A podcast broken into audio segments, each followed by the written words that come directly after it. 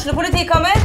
Ine Jansen er purk. Er du purk? The motherfucking bitch. Alt jeg vil, er å finne ut hva som skjedde med mannen min. Jon Carew. Er jeg sikta for noe? Iben Akeli. Det er du. Ole So, Lars Berrum og Big Daddy Karsten. Hvem sin side er du på, egentlig? Anette Hoff, Tone Danielsen, Kommer du fra Afrika? Jørnis Josef, Nesten. Kløfta. Trond Espen Seim, Det er synd å si det, men det var feil mann som døde. Purk. Premiere tirsdag på TV2 Play. Specsavers Lillestrøm finner du i Storgata 12. LSK sjekker syn hos oss, så kom innom du òg, da vel. Velkommen til Buddy på Lillestrøm Torv. Vi hjelper til med vask og klipp av hund, og alt annet innen stell av dyr, reptil og akvarium.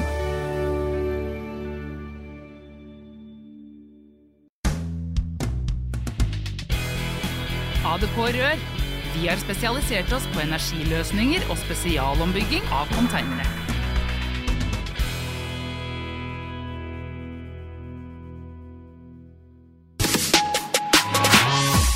Du lytter til fotballpodkasten Dødball.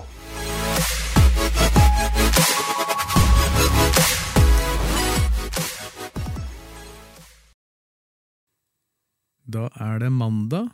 Det er eh, starten på påsken, men eh, vi er eh, tilbake i dødballstudio. Litt annen sammensetning enn vi pleier, for vi har med oss Karina Oppsand.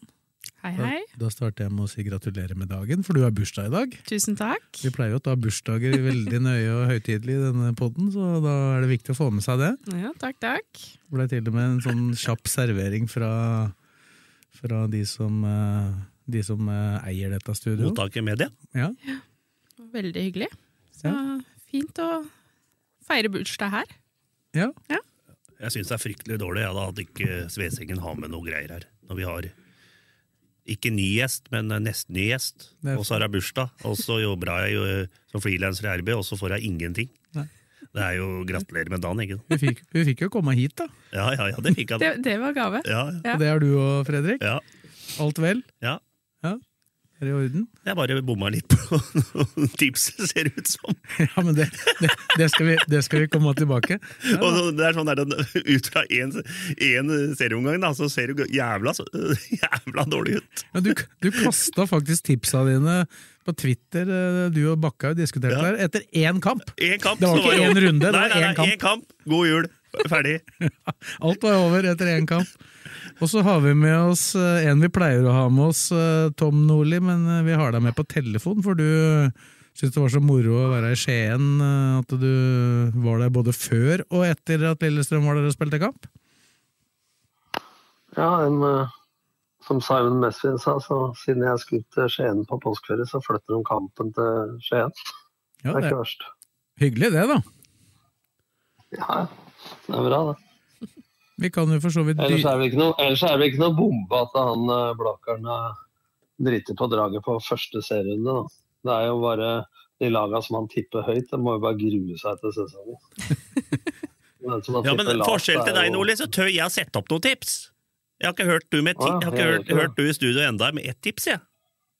Nei, vi, vi, vi får se om vi, vi, Det er vel Det er ikke bare gullfisken som har alzheimer, skjønner jeg. Nei, vi får se om vi får til det i dag, da, for vi er, planen er jo at vi skal uh, sette opp et uh, slags tabelltips. Det kan vel si så mye at det kommer antageligvis ikke til å bli likt, så det blir vel eh, individuelle tips, uh, vil jeg tro, Fredrik? Ja. Ja, ja var, var klar på det. Men vi kan starte i Skien, ikke bare for at du er der, Tom, men vi var jo til stede på Odd LSK, generalprøve 02. Hvordan, når du har fått oppsummert og tenkt gjennom den eh, etter at vi så de 90 minuttene, hva, hva tenker du om eh, det du så av eh, de gule og svarte? Jeg tenker først og fremst at lag som Odd i 5-4-1 lavt blir vanskelig for mange å slå. Men for å ta Odd først, da, så ser jeg ikke så tydelig hvem som skal skåre måla til Odd. Men første omgang var litt seigt. Litt dårlig balltempo. Litt lite be motsatte bevegelser. Én møter, én stikker.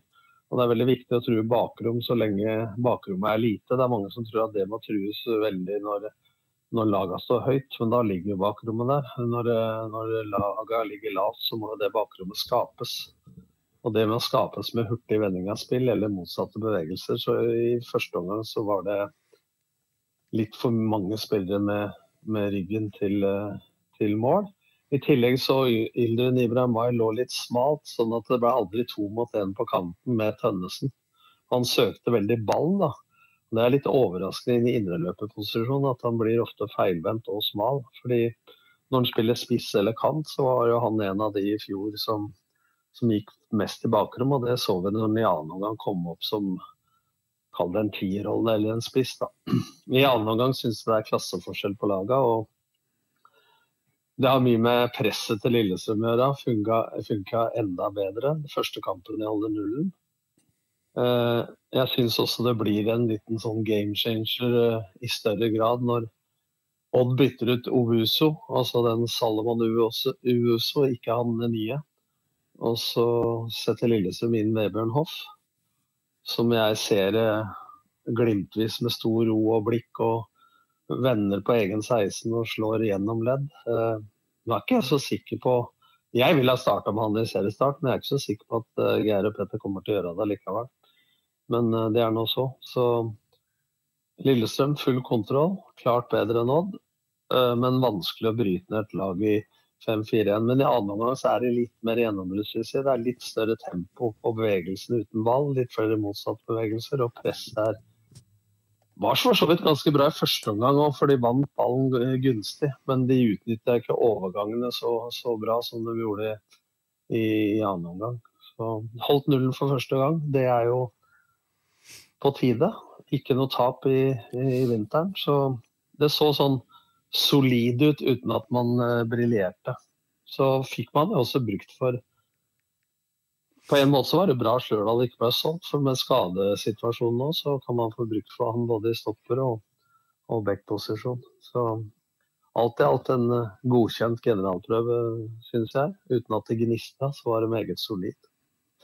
Ja, Vi kan jo prate litt mer om Slørdal etterpå, men jeg tenkte på Ibrahim Mai. Hva, hva er forklaringa på at han eh, Jeg spurte ikke han sjøl etterpå, men Geir Bakke var jo for så vidt helt enig med den vurderinga vi gjorde fra tribunen, at det var veldig stor forskjell på han i den spissrollen da, ved siden av Lene Olsen og, og i indreløperrollen, som vel egentlig ikke det, ikke det, er ikke to veldig ulike roller heller, hvis du drar med den rollen han hadde i fjor ute på, ute på høyrekanten der. Nei, Han blir altfor mye møtende og søkende etter ball, istedenfor at han overlater det til backtreeren, backfemmeren og, og ankerrollen. Den defensive eh, sentrale midtbanespilleren. og holder seg litt høyere i banen og litt breiere, sånn at han blir spilt opp rettvendt. Nå var han såpass smal at han nå nesten i linje med Magnus Knutsen hvis du tenker på langs. Så det var dårlig vinkel, og Tønnesen var vel den som var mest gjennombruddssissig med venstrebeinet sitt på høyresida, med løp uten ball. Da. Og han fikk jo ballen noen ganger, men uh, det blei også litt uh, I sånne situasjoner, da, uh, som du møter sånne lag som Odd, så kommer man til så mange innlegg fra 20 til 35 meter. altså Man kommer ikke så ofte til dørlinja når de spiller fem bak og lavt. Og da må man prøve å finne ut hvordan man kan utnytte Eh, løpa og ikke minst innleggkvaliteten i større grad. Da. For nå var det mange av innleggene som butta i første eller andre hvite, hvite, drakt, for å si det sånn. Så der må man opp i kvalitet, både på innløp og, og innlegg, for å få utnytta det. Da. Men uh, jeg forventer at uh, Yldren, som du sier, da, tar rollene i større grad. Jeg tror det har vært lettere for han, men der er jo Aasen å spille på venstresida. For når du er venstrebeint, uh, på høyresida så blir det veldig sånn lett å søke innover i banen. Vil, jeg vil ha han oftere sidevendt og rettvendt, og ikke så ofte feilvendt og møtende. Det er vel mitt svar på det. det litt... Å bli for ballkåt, rett og slett. Det var litt spesielt uh, når du har en uh, tropp på drøyt 20 mann, da, så er det tre av de fire vel som er uh, skada for øyeblikket, er uh, høyrebacker. Og det betydde at Kristoffer Tønnesen eh, var den som blei prioritert på høyre vingbekk. Hvordan syns du han klarte seg? Jeg tror han startet serien. Eh, jeg, mener at han eh, er farligere eh, med foten sin, og at han er klok. og Jeg syns det er en bra spiller. Og vi er så vant til å tenke at det, vi, det er ofte man ser høyrebeinte på venstresida. Og så er det så rart, for det er mange høyre vinger og høyre indreløpere som er venstrebeinte, men det er sjelden det er en bekk som er venstrebeint. Og Det er bare sånn som har festa seg i huet på folk. så eh, det må jo gå an for når du spiller fem meter lenger ned, og sånn som Lillestrøm spiller, da, med høye wingbacker, så, så, er det ikke noe veien for, uh, for oss å ha en venstrebein på den sida. Så lenge Vindheim og Ed da, regner jeg med faktisk er i form hakket foran Rangeren. Så de har jo mange som kan spille der, men mange ute nå. Så for meg så er Tønnesen et start, eh, beste startalternativ på den plassen mot Godset. Ja, det ble jo faktisk til sammen eh, tre som fikk prøve seg i den posisjonen på lørdag, for uh, Philip Slørdal uh, ble jo da bytta inn da Tønnesen gikk ned på sidestopper venstre side, og da, det varte jo bare seks-sju minutter før, uh, før de bytta ut Ruben Gabrielsen, og da kom Henrik Skogvold inn på wingbacken der. Ja, så Men for meg, da, så når det gjelder serielaget, så er jeg tror i trenerens høyde, eh, hode da, så er det vel eventuelt høyrebekkplassen, selv om jeg tror Tønnesen spiller. Så tror jeg de tenker på om de skal bruke Yldren eh, eller Vebjørn Hoff. Og hvis Hoff spiller, så spiller han sentralt og Magnus Knutsen. Og jeg syns også Magnus Knutsen kommer mye mer til sin rett når han har fire bevegelsesmønster. Og jeg syns Vebjørn Hoff balanserer laget i større grad, sånn som Matty gjorde. Eh, mens han er mer overalt, da, Knutsen i en sånn type rolle. Så i det øyeblikket Lillestrøm mister ballen, så er det mer sårbare så lenge Knutsen spiller sentral, enn Vebjørn Hoff. Og jeg mener, selv om han ikke mener det sjøl, så mener jeg at Knutsen er eh, til mer nytte for Lillestrøm da, i en uh, indreløperrolle. Men så det er klart at uh, trenere dem tar jo selvfølgelig ut det beste laget til enhver tid uansett Uh, ja, gjør sånn dem sett. Gjør dem da. Ja, jeg, vil tro, jeg, vil jo tro, at det er det de i hvert fall har tanken om før, hver gang de skal ta ut et lag. Men, uh, det, er sånn alle sier, det er sånn alle sier, Morten. For det, det, er lett for oss på sida som ikke har ansvaret. Men en trener vil alltid også tenke på uh, Hvis vi setter ut Yldren, Ranger, hvordan vil de reagere? Hvordan blir stemninga i gruppa? selv om det er toppidrett og de skal takle det, så, så tar de selvsagt ut til syvende og sist det. Men det blir en sånne type vurderinger de gjør. Hvis det er veldig jevnt. Altså, jeg har gjort motsatt mange ganger. Altså, man har tendens til at det, når det er jevnt, så eh, sier ikke at Geir og Petter gjør det, men det er mange som setter ut den da som bråker mest hvis han blir tatt ut. Mens jeg mener at det heller bør være motsatt. At det skal ikke lønne seg å, du, men, du, men, du mente det bråker minst? bråker minst, mener du? Hva? Du spiller med han Hva som bråker minst. Du, du, sa, du mener at det, han som bråker minst, han bruker du istedenfor han som bråker mest. Du sa motsatt, skjønner du. Ja, ja, men altså, det er mange jeg, som, som uh, setter ut han som bråker minst. Jeg vil heller sette ut han som bråker mest. Oh, ja. Selv om det blir litt å ta tak i. Så jeg mente faktisk akkurat det jeg sa. Det er fint om jeg får lov å mene det, uten at dere skal mene for ja, meg. Men da, da har du sagt noe annet til meg før. Vet, jeg... ja, men Det er mulig. Men, men, det jeg sier, da, er at hvis det står jevnt mellom jeg skal bruke Morten Svesengen eller Fredrik Larsen, og så blir Fredrik Larsen mer forbanna øh, ved å bli satt ut enn øh, Morten, så er det lett også, å velge den letteste løsninga for å holde stemninga i troppen. Men jeg mener ikke skal lønne seg. da. Og Jeg sier ikke at noen av spillerne i Lillestrøm gjør det, men jeg sier bare noe, hvilke tanker som ofte går gjennom i hodet på et trenerteam før de tar valget når det er jevnt. Og Den tror jeg man alltid vil ta hensyn til. Hva blir det mest ro og harmoni av? Ikke sant? Mm. Så det er også med i vurderinga. Til syvende og sist så må de velge det de syns er best, men er det best på kort eller lang sikt? Tenker man bare den kampen, eller tenker man litt videre? Men i, til, i, tilfelle Ranger versus Tønnesen, da, hvis vi ser for oss at det blir et alternativ Nå var ikke Lars Ranger med på trening med de andre i dag heller, men han eh, løp ganske fort langs sida, så jeg tipper at han er spilleklar. da. Der er det jo Altså, han er liksom én av tre høyreback-alternativer, og så velger du en som egentlig ikke er det. det. det. blir jo en litt annen variant igjen enn hvem som blir surest og sånn. Det er nesten Jeg skal ikke kalle det avskilting, ja, og der, men Der har jo den som Nordli sier akkurat nå, at uh, det er kanskje best å bruke Tønnesen, men det blir jævla når du har tre høyrebekker, wingbacker, egentlig, og så øh, er én klar, og så bruker du ikke han likevel. Og da har du det problemet at Da har du, øh, da starter du med beste laget, Ja, da- men er det bra for laget?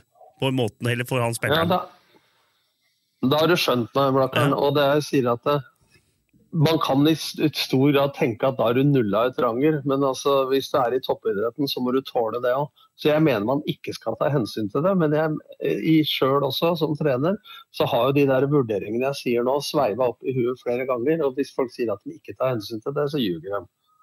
For jeg, for jeg, er sikker, jeg er ikke sikker de gjør det til beslutninga til slutt, men at sånne ting er med i vurderinga fram til beslutning, er jeg 100 sikker på. Det blir spennende å se utover er- i uka, da. Men jeg tror det er slutt på det nå. Altså eh, Jeg tror at eh, Ikke kall det øksa, da, men jeg tror at de blir mer kyniske nå enn det, det de har vært før, når de har eh, flere alternativ. Eh, så det er jo ikke sånn at det, Du må jo tåle sånn som Ranger i fjor også. Nei, jeg tenker på Dragsnes. Det var vel folk også som kunne blitt sure da, eh, i Slørdal, hvis det Og røsler. og da dekker de seg ja, men da dekker de seg under det at eh, ja, vi trenger en venstrebeinstopper. ikke sant? Altså, Røsler og Slørdal var jo stoppere, men de eh, satte jo Dragsnes ned på stopperen. Og brukte Ranger og Ed som bekker. Og det blir jo akkurat det samme, for du kan ikke si at ja, vi er tre bekker, og da skal jeg spille av bekk hvis nummer én og to er skada. Det, det er jo trenerens privilegium å sette sammen det beste laget og hvem som fungerer best sammen med hvem. Og det er nødvendigvis ikke eh, bestandig. Så det var helt riktig i fjor å sette Dragsnes som venstre stopper, selv om Røsler satt på benken. Ja, og så er det et, Og det et, så vi jo i det. Ja. ja, det er et annet poeng her òg. Det er at jeg tror vel, hvis du tenker den elveren de stilte med i Tromsø, da, så tror jeg kanskje at også trenere tenkte at Kristoffer Tønnesen var egentlig den det var mest synd på. At han var, eh, fordi at han var den som var nærmest laget, på en måte. At eh, han, han er kanskje, var kanskje spiller nummer tolv, da. Ja, og så er det en ting til. Så er det en ting til. De spiller bra mot Tromsø, og, og de spiller bra i går. Og kampen før Tromsø, hva var det? Sogndal. Det var vel eh, Ja. Og da er det sånn også, Skal vi sette ut av noen av lagene når laget har funka så bra? Jeg mener også at eh, det er et annet ballgame. da. Det er seriestart, og det er en annen type motstander. Så eh, om de ikke har Jeg tror at eh, det er never change a winning team. Det tror jeg utspilt sin rolle. Altså, nå er det så mye spill og motspill og analyse av motstandere på med droner og alt mulig rart at jeg tror at det, det kan Droner? være Har de helt droner forskjellig. Har ikke Ja, men- droner? Ja, de har jo drone på trening, særlig På egne Sundgodt da, treninger, men, det, ja. men det er jo ikke poenget, da, Blakkaren. Men de hadde droner på, bort på Vigernesjordet, for der har de ikke noen sånne speedkameraer å feste permanent som de har på Åråsen. Poenget er at de har analyseverktøy i større grad på hvordan motstandere spiller. Ja, gå opp i treetasjen nå kanskje. Ja, men nå, Var du ikke andre, altså, og kjerringa i første kan ikke gå opp i trea, altså bli litt rolig. Ja, du, du sitter i samme etasje som meg, det er problemet. Poenget da, poenget faglig er jo at det er mer inngang til hver enkelt kamp enn nødvendigvis hvordan det har funka sjøl bestandig. I- I og med at de er så pragmatiske i forhold til formasjon og måte å spille på, da, at det ikke bare er som Vålerenga altså med fagene som spiller på samme måten uansett, så blir det mer i hensyn til hva forventer vi av kampbildet i den matchen som kommer nå. Det har like stor betydning som hva som funka sjøl mot en annen type motstander i tre siste kamper, f.eks. De er mer med i vurderinga nå enn i gamle dager. da. Det er det jeg prøver å si. For jeg har nemlig fulgt med, folkens. Ja, ja. Når vi snakker om eh, endringer, da, så var det jo det var jo noen som noe, vi, vi kommuniserte jo med en del endringer underveis i kampen, Karina. For at du var veldig opptatt av hårfargen eh, Ja, jeg ble eh, helt satt ut. både av- Roseth og Lene Olsen. Ja, jeg mente jo hele veien at eh, Lene Olsen han er da lysere, og du bare nei, jeg tror det er sola. Det var ikke måte på hva vi trodde det var.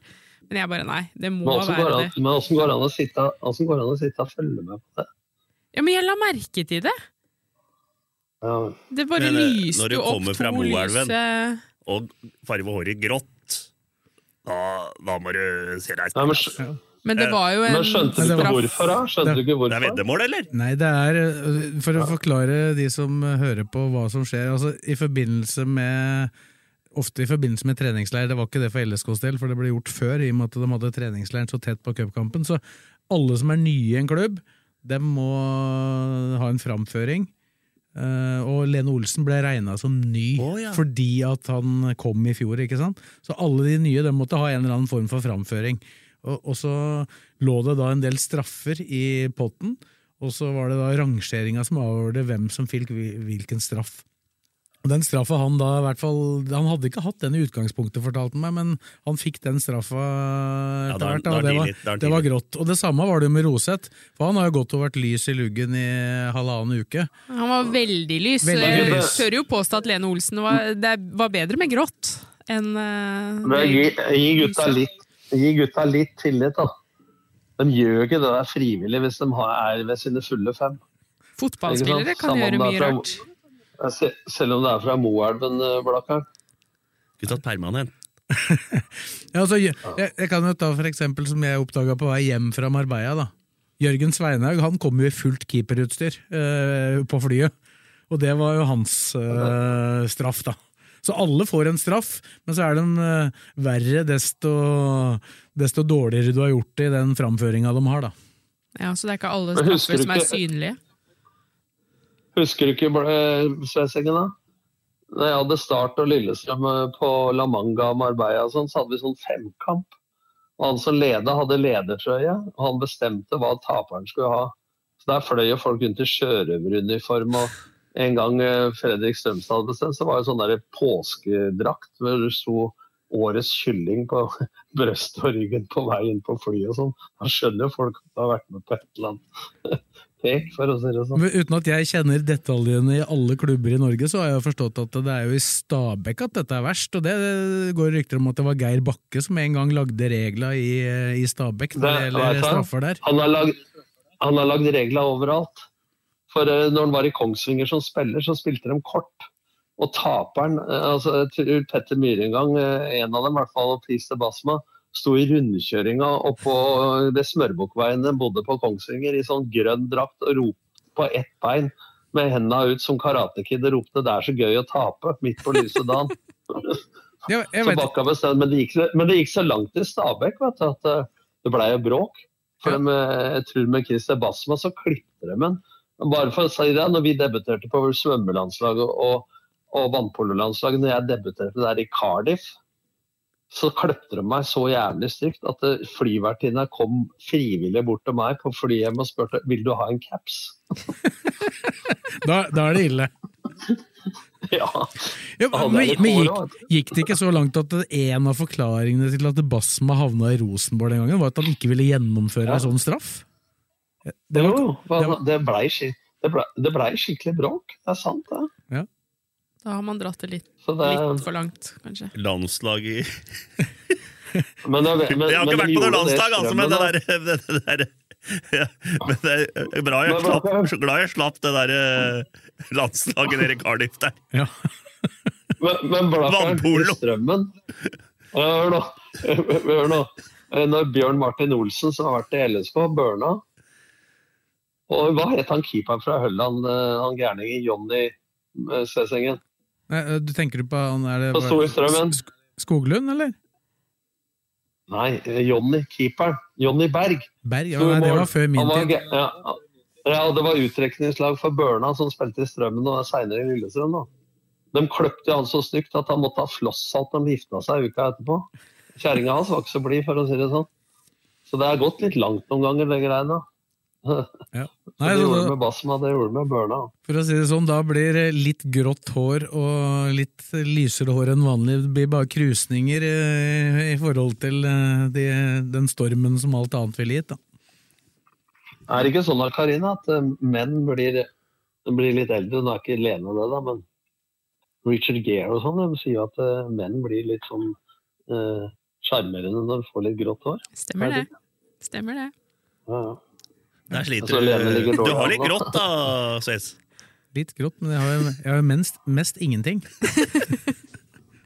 Men hvis du slår, igjennom, slår sammen deg og Sves, så er det Strømmen-farver. Ja, ja. Ja, ja, ja. Men her er det rødt. Rødt og grått. Men hva, nå har jeg for så vidt Endte du med at du tror at Tønnesen spiller og at Ibrahimai spiller, eller hva var det du konkluderte med, Tom? Jeg ville starta med Tønnesen og Vebjørn Hoff, og ikke Yldren. Men jeg tror at eh, Bakke og Myhre er nærmest nå å beholde Jeg tror Tønnesen starter, men jeg tror at Yldren starter, og at eh, Hoff eh, venter litt til. Jeg er uenig i det, men ja, Nå er er, bare jeg tror. nå er ikke du som tar ut laget Lillestrøm lenger, så da blir det vel Det er jeg som gjør det. Det var jeg som gjorde det i fjor. Ja, det var det jeg skulle si, at i fjor, i fjor så var det jo egentlig Karina som traff på den Ja, ja. lagoppstillingen hun du- mente de burde stille med i den første Ja, men hva, tar seriekampen. du, hva tror du lagoppstillinga blir? Det er rart de ikke rykka ned, da. Eller hva, men, hva mener du? Hva jeg mener nå? Ja. Um, jeg mener at eh, Yldren kan få lov å sitte på benken fra start. Um, jeg syns ikke han har imponert noe sånn voldsomt i noen kamper, egentlig. Han har imponert to ganger etter mitt syn, og det var mot Flora Tallinn, da han spilte spiss siste halvtimen. Da var han god. Og så Ja. var han god nå, når han spilte spiss Spiss, i ja, men omgang. ikke i den uh, indre løper... Uh, Men Karina, er dette vært kake, er dette verdt kake det òg, selv om det er bursdag? Du og jeg er enige? Nei, men ta laget nå, da. Nei, altså, jeg er jo enig altså, jeg, tror jo, jeg tror det bare er på høyresiden det gjøres endringer, men jeg tror faktisk at Ranger starter, da. Ja. Og så kommer Tønnesen inn. Jeg tror også Ranger starter. Så jeg tror Tønn... Nei, Ranger og Hoff tror jeg starter. Jeg tror ikke Hoff starter. Nei, Men hvis, du skulle valgt, da, ut fra sånne presterer, mener du at det er riktig å starte med Ranger og Ylderen? Nei, men nå er det hva jeg tror. Ja. Jeg tror han starter med det Om det er riktig Ja, men Du har lov til å ha en egen mening ja, ja, men da. jeg, jeg, Nei, men jeg bare tar laget, jeg. Ja. Det tror jeg blir Ranger og ikke Hoff. Det blir Ja, men hva mener du, Blakaren? Du som sa jeg ikke tør å tippe. Hva mener du? Hva Nei, jeg du mener det er riktig også, to plassene? Jeg mener det er riktig òg. At Yldren skal starte? Ranger og Ylde? Ja. Ja. Hvis du ser bort ifra diskusjonen, diskusjonen om hvem som, eh, hvem som blir sur og ikke sur, så ville jeg starta med Tønnesen og Hoff. Da er jeg enig med deg, Sves, men jeg tror han starter med Tønnesen og Yldren. Jeg tror han starter med Ranger og Ylveren. Ja, Da er vi helt uh, forskjellige alle sammen, da. Jeg tror Ranger og Hoff. Jeg, jeg er usikker på hva de gjør. Jeg kan gi dere svar i morgen. Veit du laget allerede i morgen? Ja, Det ser jeg ikke bort ifra. At jeg kan eh, Det er greit at de får det laget før, inn uh, Ja, De begynner jo med formasjon. Ja, men De har ikke noe påskeferie, disse gutta nå. Da er det trening helt til mandag. Jo, torsdag, Torsdag, torsdag fredag. har de fri, Blakaren. Så trener de lørdag og søndag. De trente jo i dag. Normalt ville de hatt fri i dag, men så trente de i dag. Så trener de på tirsdag, så trener de på onsdag, og så har de fri torsdag og fredag. Fredag ville de hatt fri uansett, antageligvis. Ja, men da, får de, da, får, ja, da skjønner jeg, da får de laget i morgen, og så trener de litt Eller altså, Hvis det sånn. blir formasjon i morgen, så vil de i hvert fall se hva de tenker. da. Men det hender seg Men det får underveis de får de lov å trene på Åråsen på søndagen? Ikke på søndag, men de håper at de skal få trene på Åråsen på lørdag, og så trener de ute på Vigernesjordet på, på søndag. Så det blir Nei, jeg, går om morgenen forbi det Vigernesjordet, Der ser det ikke ut nå, altså. Nei, det, får ikke men, da, der. men da har du sett på den banen som er gravd opp, da? Ja, men den andre òg, den får ikke trent der. Jeg vet ikke. Nei, det tror jeg ikke. Da skal det skje mye. Ja, Hva er det som har skjedd med den, da? Nei, nei, men den ser, den ser ikke helt Den ser brun ut, da. Ja, men så lenge det er eh, Ligger ikke duk, ligger ikke duk på nå? Nei, ikke der, tror jeg. På Åråsen er det duk innimellom. Så, men Åråsen Stabæk-duken? Nei, der vet jeg ikke om, vet ikke om, de har- vet ikke om de har lagt på noe duk. Dårlig, de la på duk der nå! Jeg er så sterke, vet du. Hva tar de gjør, hva, hva tar de gjør på Stabæk? Jeg hørte rykter om at de skulle male gresset grønt, og så spraye det. Ja, Men det er jo ikke første gangen, for da LSK hadde seriestart der i 2019. Ja, Ja, det var vel i 2019, Ja. det? Ja, det var det. det var, for det var Lennartson som var trener. Så det var i 2019. Da var det jo sand over hele banen, og så hadde de farga den sanda grønn. ja. Det var, det var som å spille på beachen. Men det var grønt, da. På grunn av farginga. Men også legge ut en sånn tweet altså Jeg kjenner jeg bare blir irritert av, Ja, nei. Ja, For de som ikke veit hva slags tweet det var, Ja. så var det Lars Bohin som la ut en twittermelding om eh, for eller mot kunstgress, med bilde av en grå og Brun. humpete Ja, brun og humpete Og hvem, eh, Nadderud. og hvem, svarte han, hvem svarte han først? Var det du? Ah, Yes. Og da svarte du Med bilde av Åråsen. Jeg sa at eh, her skal det også spilles. så svarte jeg at kan det ha noe med eh, ferdigheter på banemannskap å gjøre at Lillestrøm eier banen, mens det er kommunalt eh, på Nadderud? Og når han Jon Tunhold begynte å klage på at eh, det var andre klimaforhold. Eh, hvis det er andre klima, så er det i hvert fall, kald, så er det i hvert fall kaldere på Lillestrøm. Det Eh, har vært bestandig. Eh, enn en, eh, på Bærum skulle tro at det var eh, 20 mil imellom. Det der har kun med hvordan banen blir pleid å gjøre. Ja, den der, Ja, også, og ressurser som legges i det. Ja ja, det har jo noe med det å gjøre. Men en Nadderud ser jo ikke ut. Ja, det, det er grå se, Nå- grønne Si stygge seter, det er løpebane Ja, altså Stadion Det er jo er ferdig for lenge siden. uh, Matchuret står vel oppå Bekkestua? Ikke sant? Det er jo helt uh, bak mål. Men ble Blakkar Nadderud før, når de hadde en sånn fra Bogstad, ikke camping, men uh, golfbane, uh, en greenkeeper, så var jo det et par år hvor faktisk Nadderud var jævlig bra. Gresten. Ja, ja, jeg spilte jo der, kommer, jeg spilte jo der når Strømmen holdt seg i 20 i andredivisjon 2011 eller noe sånt. Og da var det jo helt fantastisk matte. Men også en annen ting òg. Bortesupporterne sitter jo også oppe på Bekkestua. Ja, det, er litt forandring på det nå. Ja, de har flyttet. Ja, men før, de er på ja, ja, men før så satt de langt ute i skauen. Ja, ja. Ja, da Heidar Helgusson skåra fire mål her i 1999, så, så så vel ikke LSK-supporterne ballen gå i mål på noen av måla, tror jeg. For han gikk langs gresset. Ja, det men, det. Nei, nei. Men de sang allikevel som som å se Brasil. Det var det. Nei, så det. Nei, du må få gjort noe på, på Nadderud. Men skal vi skli sakte, men sikkert over på Bare, bare én ting, Morten. Bare en ting, Morten. Folk var jo så bekymra. Eh, jeg snakka med Geir etter kampen. altså Akor eh, var ikke noe skade. Jeg tror hun bare ville se eh, ville se også et annet alternativ på topp. da De veit at Svendsen kan spille der, og så prøvde de Mylden der igjen. Og så er det litt psykologi i det, vet du, folkens. Det sa ikke Bakke, men det gjetter jeg, da. For eh, når du da valgte, uh, istedenfor å ta ut Yldren og sette, ut, uh, sette, ut hoff, sette inn Hoff, så satte de Yldren opp. Det er også litt sånn psykologi at han fikk 90 minutter nå, ikke sant? Altså, Ja, ja. Fordi at eh, noen har jo mer temperament enn andre når de ikke er på laget osv. Så videre. så da- Og så fikk han jo vist at han kan fungere i den rollen, da. For det, der var han Ja, jo ja, og så er- mye bedre. Så Akor er ikke, Akor er ikke skada, og det er ikke noe fare med Ruben Gabrielsen. Ruben Gabrielsen jogga rundt banen i dag. Han var mest, uh, var mest irritert på meg pga. børsen, tror jeg. Det var det eneste som fikk engasjementet. Han mente han burde fått mer enn fem poeng når de holdt nullen for første gang. Syns du han spilte til mer enn fem, eh, Tom? Nei. Jeg har jo sagt i forrige podde at jeg, jeg er jævlig glad i Ruben Gabrielsen som spiller og som leder. Men jeg er litt lei av nå, det har jeg lyst til å gjenta. Jeg er litt lei av at man skal hver eneste podkast han er med i, ta, så, være så dritlei av oppkjøring osv. Man har spilt faktisk en cupkamp eller to cupkamper allerede. Um, og jeg vil at de beste spillere, sånn som Lene, Ruben Gabrielsen osv. Jeg vil at dem skal, som er fantastiske gutter og bra spillere, skal være like mye ledere som det eh, Gjermund Aasen er. Og da mener jeg at de skal være alltid dem som er først ute, eh, seinest hjem, eh, som setter standarden på kultur, trening, alt mulig. Eh, og med den erfaringa som eh, Ruben har, eh, så mener jeg at han Det er bare at jeg krever mer av han enn jeg gjør av en, en annen type spiller da, i den rollen. For jeg mener at han har mulighet til å gjøre Lillestrøm enda bedre som leder enn det Ogbu gjorde, selv om Ogbu var, Ogbu var alltid på. Så aksepterer jeg at han er mer på når det gjelder, men nå gjelder det. Så jeg vil stille større krav til Ruben, og jeg vil at han skal opp et par hakk i forhold til Sånn som han var i annen omgang mot Tromsø. Da var han lederen. I første omgang så lå han høyere enn sidestoppere osv. Og, så videre, og var veldig nonsjalant. Ja, han, han, han, tok, han tok bra tak borte mot eh, Sogndal på slutten òg. Ja, ja. Men så du nå han hadde én dribling der utafor egen 16 mot Odd også. Eh, Jeg vil at han nå skal legge bort den nonchalante. Jeg s- eh, Vurdere risiko mot gevinst. Jeg skal være like tydelig leder som han var i annen omgang mot Tromsø.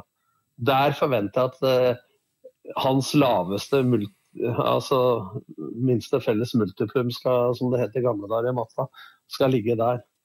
Så Men det jeg kommer det til å gjøre når de starter. ja, men hvorfor tror du det? Jeg tror det er bare å skru på knappen. Nå starter vi. Han har spilt to viktige cupkamper hvor han var helt off i en omgang i begge kamper. Det er ikke bare å eh, si at Han sa i en podkast jeg kan veie 95 og 89, opp til 95 og ned igjen til 89 i løpet av preseason. Så, så, han er en klok mann. Jeg synes eh, Han bør ikke eh, eh, forenkle og fordumme dette noe mer. Jeg mener han skal gå foran eh, på det der. Og det er ikke bare å skru på knappen når det gjelder. Eh, liksom sånn Du trener på gode vaner. Det gjør du hele tida. Og det er ikke bare å skru på lyset hvis du ikke har testa pærene gjennom vinteren. Det var kloke ord. Den, Den den skjønte vi. Måtte, måtte tenke meg litt om der, den var dyp. Du får ikke noen telefoner på den. In, uh, eh, Den, den, eh, den tar alle, altså. Neida. Nei, Et knepp eller to opp på Ruben, så blir det nok mer enn fem på børsen framover, skal du se. Gjør nok det. Ja, jeg er enig. Eh, skal vi skli sakte, men sikkert over på tabelltips uh, og betraktninger rundt uh, denne eliteserietabellen? Da starter vi i bånn. Du starter i bånn, ja. Ja. Hvem tror vi rykker ned? Det fant jeg når jeg satt med dette her. Jeg var helt, Jeg er helt sikker på hvem som rykker ned. Nei, men jeg var helt sikker på at jeg skulle ha noen lag i bånn der, men etter de treningskampene så er jeg ikke så sikker på Nei, det er rykker ned. Det er ett lag, Ja, det er ett lag som og det er Hamar-kameratene. Ja, det er jeg enig i. Jeg, jeg har dem også der, Ja. men uh, jeg har også en følelse av at dem kommer til å bli vanskeligere å slå når det begynner, enn det Ja, de har vært. det, hvis du så i fjorårssesongen, den spilte altfor mye uavgjorter. Altfor mye uavgjorter. Jeg tror de hadde 13 eller 14 Ja, de hadde 13 begge laga, hørte jeg, for jeg satt og så litt Ja. på Tromsø-HamKam i går, og det var Ja. 0-0 helt til da når har, rett før slutt. når du har så mange uavgjort, så havner du i bånn. Da må du vinne liksom Ja. eh, Da må du vinne sju-åtte matcher, men det gjør du ikke. Det er ikke sant, når du spiller 13 uavgjort. jeg trodde at Ålesund skal være nedi der, men etter de siste signeringene, pluss Lars Arne som organiserer laget bra, så Jeg tror eh, HamKam og Sandefjord altså Sandefjord de lever på sånn lån tid hele tida. De har sitt spill uansett, men jeg tror de lever farlig. Eh, HamKam og Sandefjord nedi der. Ja, jeg, jeg har bestemt meg for at i år, nå har jeg tippa Sandefjord ned tre år på rad, nå skal jeg ikke tippe dem ned, så nå kommer de helt sikkert til å gå ned. Nei, jeg har dem på 15. Samme som Dolin der. Jeg har HamKam 16, Sandefjord 15, og så har jeg en liten overraskelse på 14. På kvalikplass. Kvalik, Odd. Odd der, ja. Jeg tror Odd kommer til å Den fikk et sånn bra år, føler jeg, i fjor. Og jeg tror de kommer til å slite i år. Jeg har faktisk Ålesund på 15. og Sandefjord på 14., men det er kun av at jeg ikke vil tippe Sandefjord ned denne gangen. Hva har du, Karine? Jeg tror Ja, jeg har eh, også Sandefjord og HamKam ned. Eh, jeg skulle gjerne hatt HamKam på kvalik, men jeg er litt skeptisk. Eh, og så har jeg Haugesund 14 Også på kvalik, på kvalik. Og så er Ålesund over der. Ja, det er 13, nei, 14 er Odd, og Ålesund 13. Hvordan er du i bånn der? Odd, jeg, tror, jeg tror ikke Odd rykker ned. Uh, men det er vanskelig for å se hvem som skal skåre mål av Midtskogen der. Det, det blir litt for tynt. Uh, men uh, han derre nye Ovuso så jo brukbar ut når han kom inn. Og, og de har et grunnspill og en bra trener, så jeg tror ikke de, rykker ned. Men eh, ja, HamKam og, og Sandefjord som de to nederste. Kvaliken er jeg litt usikker på eh, faktisk. Eh, ja. Jeg, jeg, har delt tabellen min i, i to, og den skillet går denne gangen på åttende, åttendeplassen, faktisk. Altså det vil si midt på. Så du har Jeg mener du vil ha Hvis vi sier at HamKam går ned, hvis alle er enige om det, så, så mener jeg at det er ganske mange andre lag som kommer til å være med, kan fort kan havne i kampen om den kvalikplassen og den andre nedrykksplassen. Ja, Ålesund, Trom Ålesund, Tromsø, Odd eh, Haugesund, Stabæk Strø Ja, Strømsgodset der. Haugesund, Haugesund, Haugesund Godset, Stabæk. Der med de du sa, det er alt det nederste. Skillet går på Sarpsborg for meg, på rundt åttende, og så oppover. Ja, jeg har Sarpsborg høyere, ja, da, men øh, Og jeg tror også at Haugesund kommer til å bli bedre enn det de kanskje har sett ut i vinter. For de har egentlig en ganske Ja. tropp, altså. Ja, ja, de er ikke nedi der. Men jeg tror eh, ja, Hva har du på de åtte nederste? Du har, eh, du har Godset, Tromsø, Haugesund, Ålesund, eh, HamKam, Sandefjord, da? Sandefjord. Det er sju. Et lag til, da. Stabæk. Stabæk. Stabæk, ja. ja. Det er de åtte nederste. da. Jeg har eh, Tromsø på, Tromsø på åttende, Haugesund på niende, Stabæk på tiende, Godset på ellevte, Ålesund på tolvte, Odd på trettende, Sandefjord på fjortende Nå ble det mye 15. og HamKam 16. Hvem var det du hadde på åtte, sa du? Var ikke det For du begynte på åttende. Du Vi må du må ta fra, Viking der, ja. du må ta fra, du må ta fra ni og ned, da. Jeg, jeg, mener jeg at, det. jeg mener at det er et skille fra ni og ned, da. Ja, det, der Ja, har vi sikkert de samme. Ja, jeg tror, jeg tror Ja. vi har- du det samme, Karina? På de åtte nederste plassene, med, Med litt her. ulik fordeling? Ja, bortsett fra at jeg har da Vålinga. På Ni. Du Altså har øverst hvem er, av det du, har- de hvem er det du har av de vi prata om her? eh, Jeg har på- Odd over Vålinga. Du er Å, ja, okay. Der er du ute og kjører allerede, du. Men det er, Vi får se da, vet du. Sånn er det noen ganger når vi har, Men da, er det- da, da skiller du deg fra oss. når vi har folk som ikke er med hele tida, så får vi noen sånne libom noen ganger, da. Vi får se, da, vet du. Sier Blakeren, som har veldig god tradisjon med å treffe på ta- tipsa Bomma på planken eh, stort sett siden jeg satte meg ned på stolen der første program, vel? Så det er vel bare Odd da, som jeg har over Ja. der hvor dere har de. Ja. Mm. Ja, jeg har ikke helt bestemt meg for fordelinga fra ni og ned, men jeg har, eh, de jeg har eh, over, er jo da resten, da, og det er eh, Men der er jeg er fryktelig i tvil. Men skal vi starte med én og to, da, for der regner jeg med at de fleste har de to Ja. samme laga. Jeg har Bodø-Glimt Ja, på topp. Jeg har Bodø-Glimt på topp og Molde som to. Jeg òg. Jeg har Molde nummer én og Glimt nummer to. Vant ikke Molde med 15 poeng i fjor. Jo, men de starter på null i år, da. Ja, ja, men Og så tror du Bodø-Glimt eh, tar dem? Ja, jeg tror det. Nei, det Jeg tror de har bedre tropp. Altså, du Jeg mener, at, tror at, det. at de er, du mener at de er 15 poeng bedre i år, da? Og så Molde er dårligere? Eller altså, Molde er Molde, dårligere? Molde kommer Men- ikke til å ta like mange poeng som i fjor, det er jeg helt sikker på, for den flyten de hadde fra de siste 14 rundene, den holder de ikke ut et år til. Går Ja. Nei, Jeg syns det bare er rart at dere klarer å sette Bodø-Glimt foran et lag som vant med 15 poeng i fjor. ja. Ja, men eh, Glimt slo Molde nå. Slo dem, Ja, jeg. 3-2. Jeg så det. Tredje, det er eneste matchen jeg har sett, eh, faktisk. Jeg har bare vært hockey hele eh, helga. Man ryker for både Odd og Stabæk og dem i løpet av vinteren. Ute av cupen. Ja, ja, vi får se. Men da har vi, da har vi tre som har hatt Glimt og én som har Molde. Men vi har samme to laga de to Ja, det, det, det tok jeg nesten for gitt, og da er det jo da kampen om denne tredjeplassen, og der føler Kan jeg jeg, få, at kan jeg få si bransjen? Ja, ja du kan det. Ja. Jeg, jeg kan si fra fjerde til åttende, jeg nå. Så Det er, det er godt, ikke, godt ikke Knut Espen Svegården i VG er her, hvis du hadde sagt bronse, for han er kun opptatt av eh, at det er en europacupplass, og at det er en tredjeplass, og ikke så veldig opptatt av bronse. Men det driter jeg i. Ja, det veit jeg. Men den, den, den er åpen, Ja. føler jeg. Ja, jeg har LSK på trea. Brann på fjerde, Rosenborg på femte, Viking på sjette, Vålerenga på sjuende, Sarpsborg på åttende. Ja. jeg Glimt, Molde, LSK, Brann, RBK, Viking, Vålerenga, Sarpsborg. Vi er nesten helt likt, vi, Tom. Ja, Jeg, jeg er ikke i nærheten Jeg tror dere undervurderer Sarpsborg, Ja. Ja, det er jeg jo. Jeg har øh, Der er dere ute og kjører, for jeg har Molde 1. Glimt 2. Brann 3. Sarpsborg 4. Rosenborg 5. LSK 6. VIF 7. Og Viking 8. Jeg kan Bare starte, en ting der. jeg kan starte nederst, jeg, Bare da. en ting, Morten. Bare en ting, Morten. Sarpsborg den blir alltid tippa høyt. Og de slipper inn så mye mål. Jeg tror ikke de er i nærheten av å være topp fire. De har sett bra ut i treningskampa. Ja, Det har Glimt gjort men det telte visst ikke. Vi bruker argumentene når de passer til tipsa, da. Sånn er det.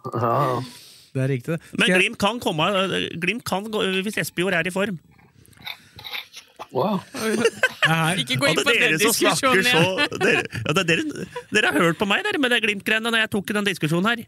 Faen, Blakkaren har rett, de skårer jo så mye mål, og det er Ja, mål skårer de med det, har jeg aldri vært i tvil om. Men, men men det Blakeren har spådd at de spissa til Bodø-Glimt skårer 40 mål, men de er ikke i nærheten av Molde, for de var 15 poeng bak i fjor. Det, det får ikke det røde tråden dere snakker om.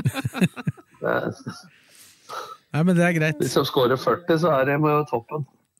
Det, Det gjør de òg, da. de Vi til, gjorde det i år. kommer nok til å skåre litt i. Molde òg, da. Skåra 40 i fjor, så. Men hva har du på Nei, det- tredje, da? Nei, jeg kan, jeg, jeg har vært, for meg så sto det mellom to lag på tredjeplass, LSK og Brann. Ja. Eh, Brann er altså det laget som desidert har vært eh, det som har prestert best i vinter, av alle Ja. laga, egentlig. Men jeg, jeg klarer liksom ikke å se at de skal klare å holde den stimen til desember. Det er fryktelig lenge til desember, altså. Eh, Og så er og litt tynn utafor elveren. ja, for bak i hvert fall 12-13 så, så begynner det å bli ganske ungt, i hvert fall. Så det er noen som må utvikle seg der, og skader vil jo komme. Altså, jeg tror kanskje ikke at eh, de klarer å holde helt den stimen, så jeg har LSK på tredje foreløpig og Brann på fjerde. Men jeg er jo på Sarpsborg-sporet, så jeg har jo Sarpsborg på femte. For jeg er fryktelig i tvil om både Rosenborg og Vålerenga. Altså det syns jeg har sett trøgt og trått ut. øh, voldsomt. Så jeg har Rosenborg på sjette. Viking tror jeg blir litt bedre enn det folk tror. De har fått Salvesen inn der, henta inn øh, og- kommer til å reise seg litt fra i, fra i fjor, tror jeg. da. Altså En ting til, en ting til der, Morten. De har fått inn også ikke undervurder Birki Bjarnarsson, også, som har spilt Premier League, Serie A osv. 35 år. Han eh, var jo i Viking allerede og debuterte under meg i 2006. eh, og Med den erfaringa han har. Og han er en spiller som er, eh, ikke, kommer ikke hjem for å slappe av. Altså, han, er, eh, han har en profesjonell innstilling. Så jeg, jeg tror også Viking blir litt bedre. Og det er sist senest i går, da. Ja, jeg tror ikke ja, Brann har sett jævlig bra ut, men jeg tror ikke de holder hele sesongen sånn stallen ser ut nå, hvis de ikke gjør noe til sommeren. Og jeg tror Sarpsborg eh, er ikke stabile nok til å bli nummer fire, og det var mitt poeng her. Så Jeg- tror jeg Rosenborg vil heve seg. Ja, altså det, som har vært, det, som har vært med Ros, det som har vært med Rosenborg eh, i vinter, da, i hvert fall, det er at de har uh, vært tryggere bak. Jeg, I fjor så tenkte jeg at det kom til å bli veldig målfattige kamper med Rosenborg, men det ble jo stikk motsatt. Ja, men Det var jo når de henta han Nei, men Det eh, var jo det litt tidlig òg, så jeg, jeg tror at de kommer til å, å slippe inn færre mål. At de kommer til å dra i land noen poeng av at de er gode bak. da. Så, men de kommer til å skåre vesentlig mindre hvis de ikke får noen nye spisser inn. Men jeg tippa dem på femte, da. Det er ikke noe sånn hurratips. Jeg har dem på sjette, ja. da blir det vel bråk oppi der. Og det blir det vel hvis Vålerenga eh, ender på den åttendeplassen jeg har òg, for jeg, det Vålerenga-greiene har jeg ikke noe tro på. Det er tynt. Ja, Jeg tror de kommer til å overraske. Og der er det bråk. For nå blir er, det nå er det ikke noe, I Vålerenga nå så er det ikke noe sånn at de skal Det er ikke noe sånn svære At folk tror de skal være i toppen. Nei, er men noe, alle, alle krever det. Nei. Jo. Men, men, men, men hør nå, hør nå, hør nå om Vålerenga. Det går jo rykter der at det er eh, kanskje treneren var på vei ut før seriestart. Det er masse internt bråk mellom han og Joakim Jonsson. Eh, det- Ryktene går på at Troim eh, er litt mer på Johnsens side enn Fagermo sin side. Altså, det er bare sånne ting jeg hører fra folk som er nært. Eh, og nå er de lei av sjuendeplasser.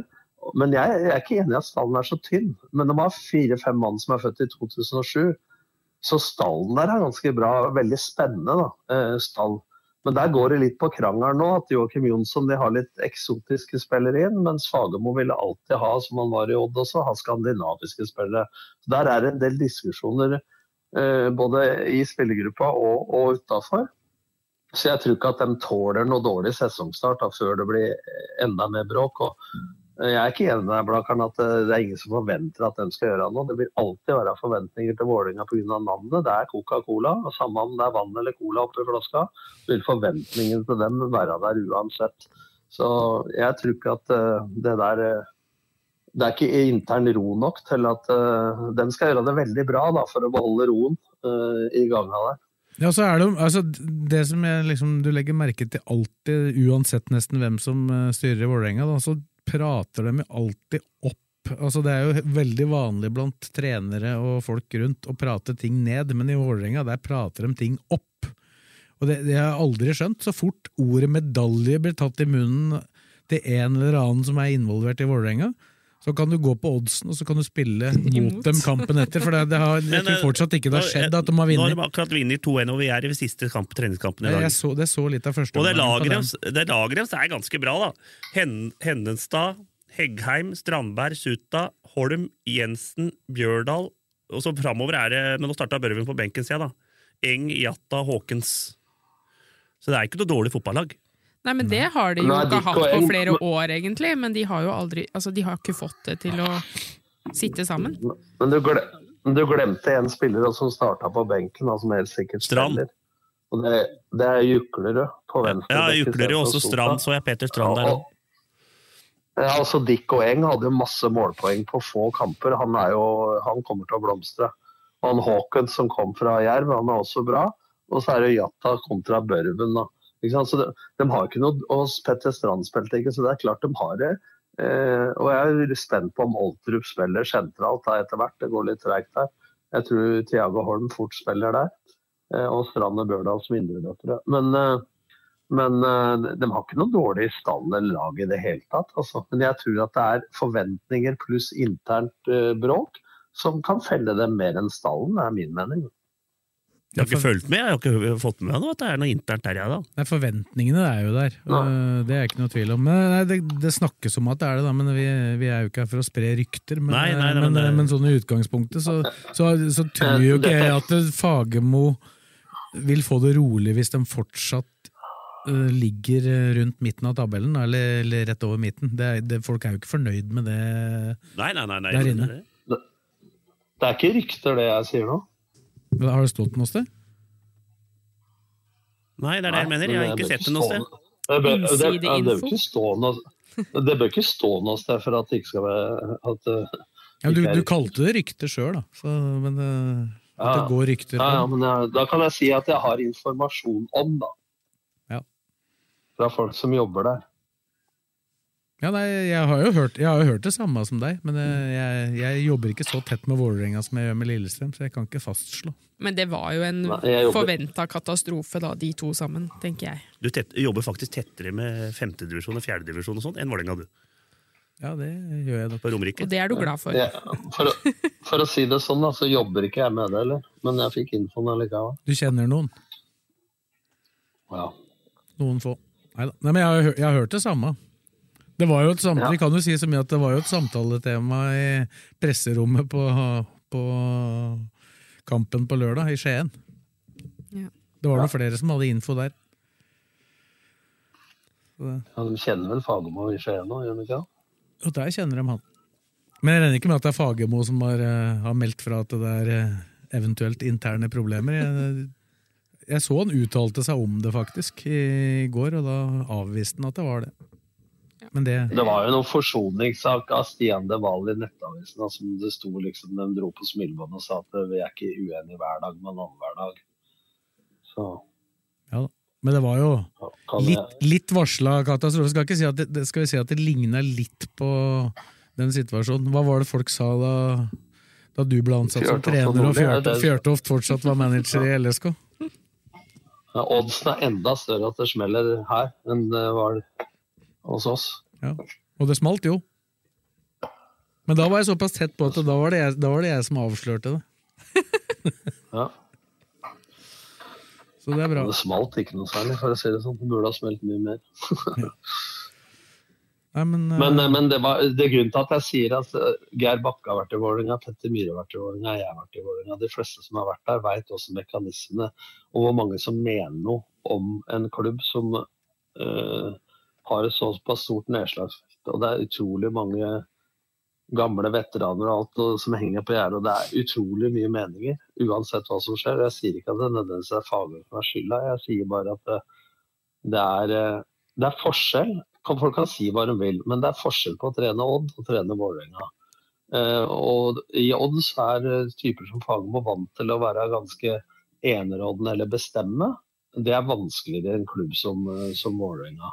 Og da må det gå seg til litt. Og så fort det blir litt dårligere resultater da, så, så vil det bli folk som sitter på pengesekken, som ikke har så peiling på fotball, som mener noe til høyre og venstre og tar uh, ofte ukloke beslutninger. Det er det jeg sier. I fjor så gikk jo investoren Trøim inn og freda Fagermo, som han ikke har mandat til i det hele tatt. Men han er jo han som sitter på penga og garanterer for 42 millioner i underskudd, planlagt underskudd.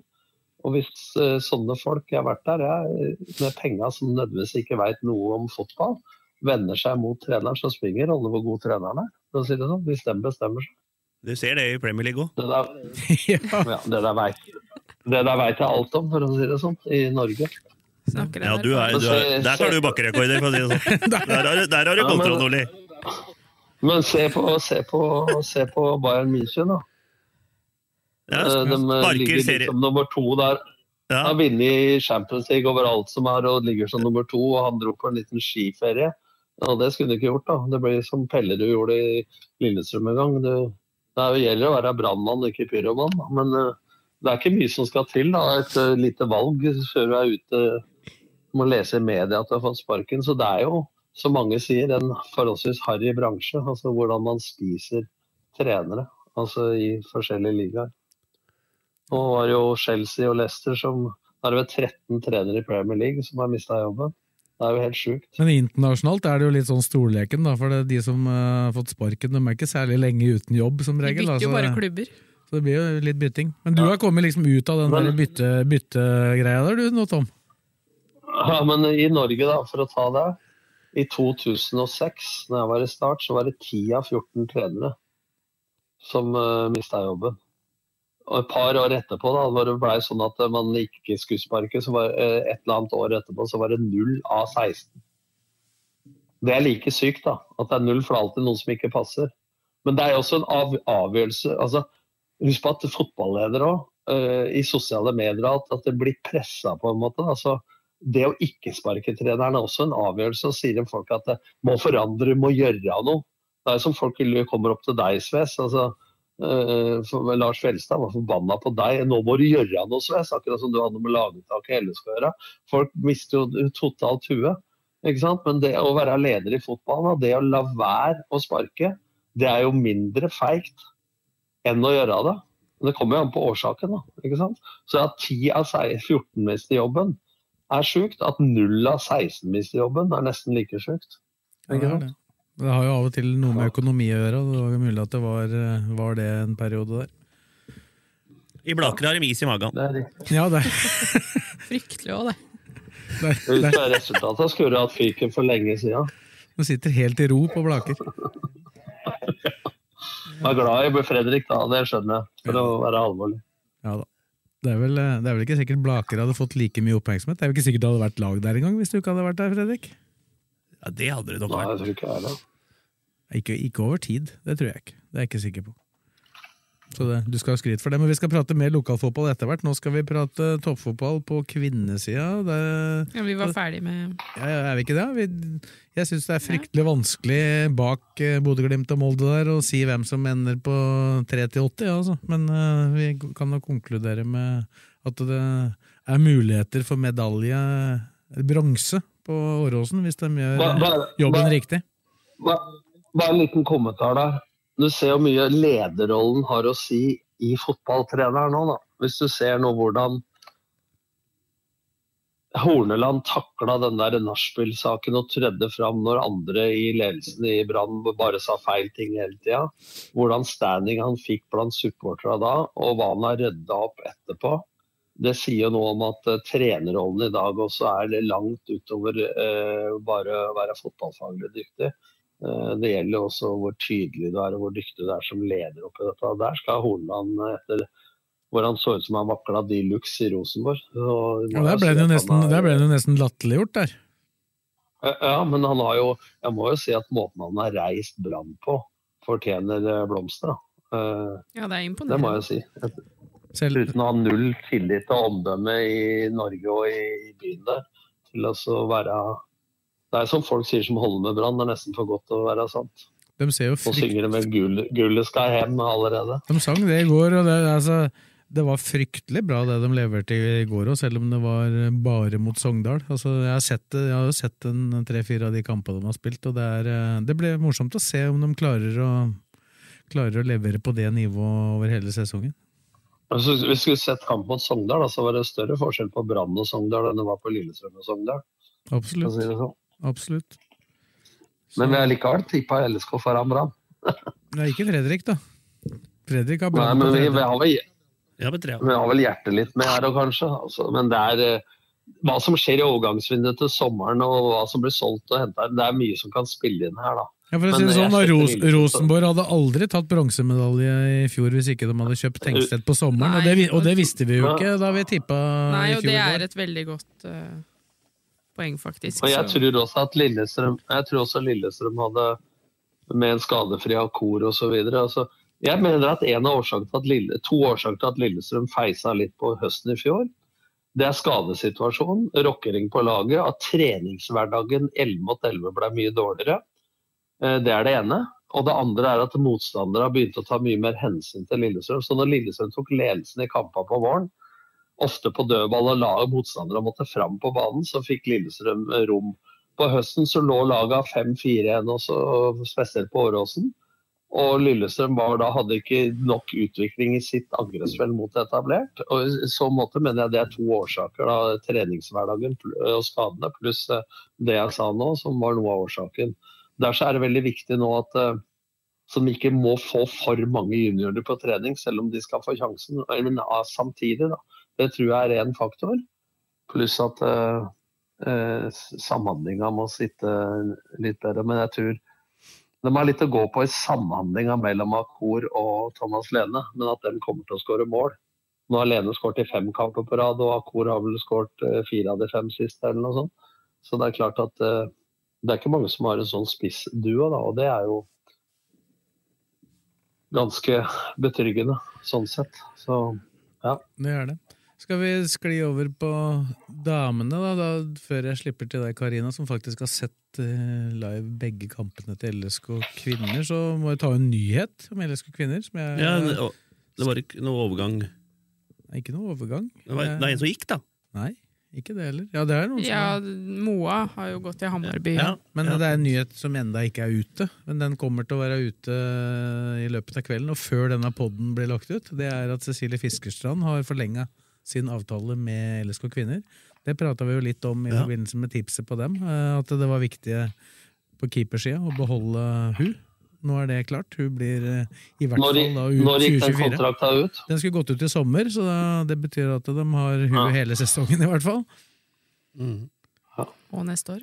og neste år. Sånn at eh, Og hun, eh, i den saken som da kommer ut, så berømmer hun på en måte altså Jeg spurte hvorfor hun valgte det, for hun kunne jo garantert ha fått seg en annen klubb. Hun er jo landslagskeeper, selv om jeg ikke var på landslag, i landslagstroppen akkurat nå, så, så er jeg jo landslagskeeperen til Norge sånn i utgangspunktet. og det du sier at det er eh, to ting. Det ene er måten hun har blitt behandla på i LSK kvinner nå i den skadeperioden. Både av det regimet som var der i fjor, og av det som er overtatt nå. Og så er det det andre at eh, hun kom jo til LSK en gang, eh, første gangen i 2016, så kom hun jo til et mesterlag. Inn, og det var jo fryktelig gøy, som jeg sa, og veldig moro å være med på.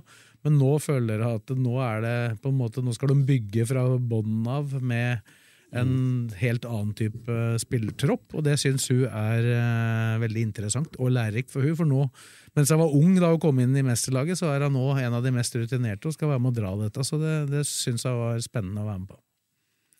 Det varmer et trenerhjerte, det, det du sa nå.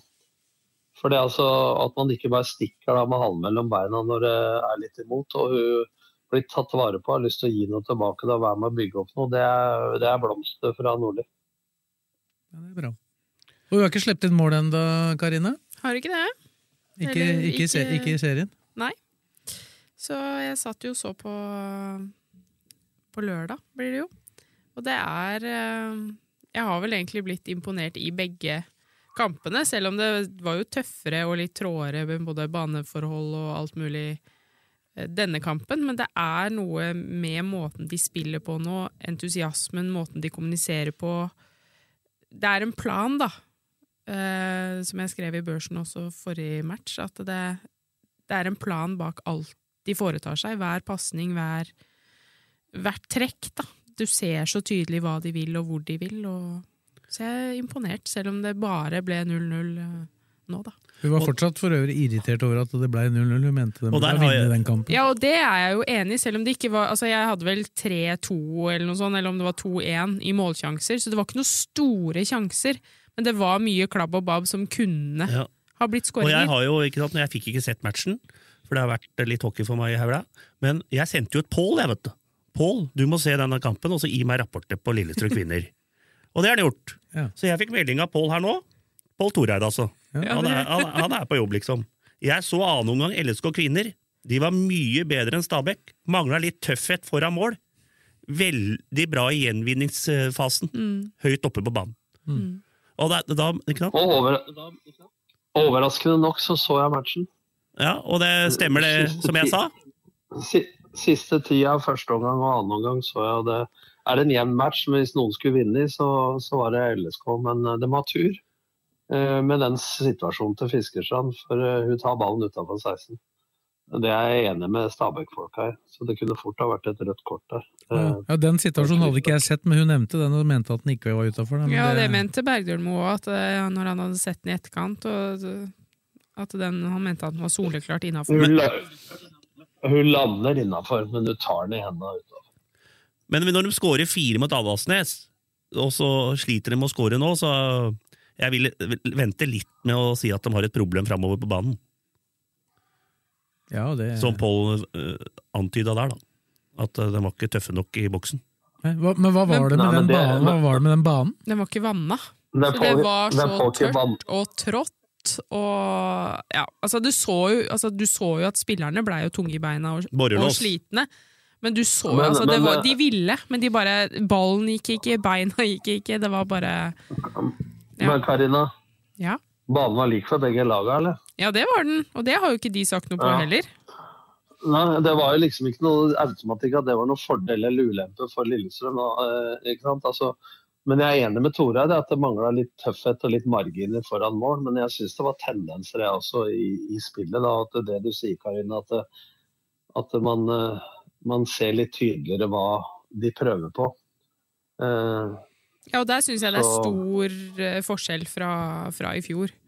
Um, Den største forskjellen, syns jeg, det er på uh, uh, miljøet. Uh, entusiasmen eh, de har greid å skape gjennom eh, vinteren nå. Med nye sponsorer, røska litt opp i spillestallen. Altså, jeg, tror de, jeg tror ikke jeg forventer så mye allerede i år, men eh, jeg tror at de har lagd seg en god plattform da, for utvikling. eh, hvor det meste var kaos og, og negativt i fjor høst.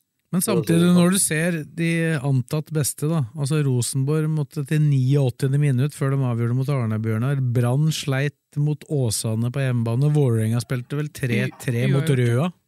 Så det er jo det er, det er flere lag som uh... Så jeg tenker jo litt at man kan faktisk forvente litt av LSK kvinner i år, nettopp fordi at de kan flyte litt på denne optimismen og entusiasmen, og som de også har sagt flere ganger, altså jeg tror André Bergdermo var liksom det perfekte valget de kunne fått inn nå. Hva legger du i 'forvente litt', da? Nei, altså at de kan være oppe på Altså de bør være på fjerde, og jeg tenker at de kan fort også være på tredje. At man skal forvente mer, da, i år. Dette sa Jeg jeg, dette sa jeg tidlig når Bergebro kom med. Jeg sa det. Dette kommer til å bli bra. Ja, nei, altså jeg så på Med en gang han ble ansatt, så så jeg på han som en eh, som vil passe perfekt inn der, ut fra sånn jeg kjenner typen. da. Så jeg var litt mer spent på hvor fort eller hvor lang tid han vil bruke på å få dem inn i den relativt ambisiøse, spillende stilen som han Men det synes jeg har står for. Men det ser ut som det har gått veldig bra. Ja. Så Men jeg ser ikke, jeg ser ikke at de skal ta medalje. altså Det gjør ikke Rosenborg, Vålerenga og Brann, bør, selv om de har blitt svekka spillestansmessig. Rosenborg ikke så svekka, så ser jeg ikke at det Jeg tror hvis de tar fjerdeplass, så skal man være veldig godt fornøyd. Jeg tror ikke du skal forvente medalje, men med de resultatene jeg har sett av de andre lagene, så er det, er det litt mer åpent enn det jeg trodde. Så det virker som det er, kanskje er litt jevnere serie enn vi kanskje trodde. Men, men Morten, det er to serierunder. Og det er Ja ofte sånn at et lag så Hvis vi ser Brann nå, da, så har de seks poeng. Men de har slitt i de to kampene, og de vinner tross alt. Da. Et godt lag sånn vipper jo til sin, til sin fordel. Det er jo ikke bestandig at det er et selvspillende piano i de første serierundene. Neste match er jo LSK-hallen da, for Brann. Ja. Da er det LSK kvinner eh, Brann. Det blir en spennende match. Ja, jeg skal dra og trene Lillestrøm kvinner et par matcher i år. Og det vil jo også vise litt, for jeg syns jo i fjor også, selv om Brann og de var overlegne, så gjorde jo ikke LSK kvinner seg bort, i hvert fall ikke den hjemmekampen Nei, og mot siste, Brann i fjor. siste bortematchen, da? Ble det ikke noe 3-2 eller De tapte 7 eller 6 eller 7-0 først i en kamp. De spilte De mot spilte vel en cupkamp der. Ja. Ja, da tapte de jo Men hva, masse. men hva er forskjellen, folkens? Hva er folkets forskjellen? I fjor så var Lillestrøm sleit dem mot antatt dårligere lag Ja, ja. hvor de skulle føre matcha. av, etter min mening, mangel på offensiv samhandling og en klar spillestil, som Karina har vært inne på. Mm. Men å forsvare seg ødelegge for motstanderen, det var hun bedre på i fjor og hadde ofte jevne kamper mot de bedre lagene. Det må du greie å beholde. Og så vil jo Berger mot spillestil i større grad. Det jeg er spent på, er uh, vurdering av risiko opp mot gevinst. For det er ingen tvil om at uh, med måten André vil spille på, så er det jo også en del dristighet inni det. Ikke sant? Og du kan bli straffa for det. Så er jeg spent på når uh, Mimmi Levenius får litt fart på lungene igjen, så vil jo det også gjøre konkurransen enda større. Da. Men jeg syns de har et spennende lag da, på gang nå i forhold til både på måten de spiller på og innholdet i spillerstallen syns jeg er litt mer spennende. Da. Med litt sånn typer med forskjellige typer ferdigheter i fjor så syns jeg det var traust. Altså. Du visste liksom hvordan det kom til å se ut på forhånd. Mm. Ja, så er det litt, litt morsomt. Nå har jo Mille Christensen kommet tilbake igjen, og så har jo Tilde Andersson fått vist seg fram. Hun syns jeg har spilt gode, godt det jeg har sett av så langt. og skjønner at hun får ikke vært med så mye på trening heller, pga. at hun går på ungdomsskolen foreløpig. Ja. Uh, litt sånn som det har vært med Skårud på herresida, de er like gamle. Og så har det jo kommet to nye unge jenter inn nå, som har fått spilletid i begge de første kampene. Som, så det, det gror jo, og det er jo lokale jenter. da, Sånn var det jo ikke i starten i LSK Kvinner. Da var det jo etablerte nasjonale stjerner som ble henta inn. Nå er det lokale, unge, store talenter da, som uh, får muligheten til å utvikle seg. Men er det ikke det, er det, ikke det vi snakka om i poden i fjor? da? Altså, når vi diskuterte dette, eh, sammenslåing med LSK, altså sportsklubben osv., at det ville være bedre å stå alene og satse mer lokalt og bygge opp noe bærekraftig over tid, både økonomisk og ikke minst da i forhold til, til å ikke hente så mye utenfra etablerte. Det er derfor jeg tenker at la nå dem få jobbe litt i fred nå, og gi det litt tid. Så er det ingen grunn til at ikke et om, område på Romerike ikke skal produsere gode nok spillere til, til toppserien, da, uten å måtte hente dem fra hutta heita. Ja, det var, det var et av flere av de poengene som jeg hadde da jeg skrev en kommentar om at jeg mente at det var, ikke var riktig å slå sammen. At det, Ja. Få den tida, og bruk den tida og bygge opp noe som kan vare. Mm. Ja, Starta bra, da. Ja. Nei, det, det, det har skjedd, for å si det sånn, etter det årsmøtet hvor de var veldig misfornøyd med vedtaket til Lillestrøm sportsklubb, så har det blitt gjort mye riktig i LSK Kvinner, og, som har fått dem på rett vei. Det er hyggelig å komme inn i hallen igjen nå. Det var ikke så hyggelig i fjor. Ja, du var, fikk litt utskjell, du. Åh, ja, ja, men nå er det hyggelig. Så Men vi, sa, vi starta, eh, de har starta bra, sa vi. Eh, Nå skal ikke jeg være djevelens advokat, da, men seier mot Avaldsnes og uavgjort mot Stabæk, eh, det er vel sånn Det er på par. må- Det er på par. Ja, ja. Det er liksom ikke Nå er du sjelden positiv, da. Nå er Du du er- sjelden positiv. Du er vel, du er vel djevelens advokat, Men antagelig. Men Bergdølmo sa jo det, og hadde du spurt meg før sesongen, så ville jeg nok sagt ja takk. Eh, Men etter kampen mot Stabæk, og hvordan det kunne ha bikka, så var han litt skuffa over at det ikke ble tre poeng der. Og det, Det er kan mitt jeg jo være poeng. enig i. Specsavers Lillestrøm finner du i Storgata 12. LSK sjekker syn hos oss, så kom innom du òg, da vel. ADK Rør. Vi har spesialisert oss på energiløsninger og spesialombygging av konteinere.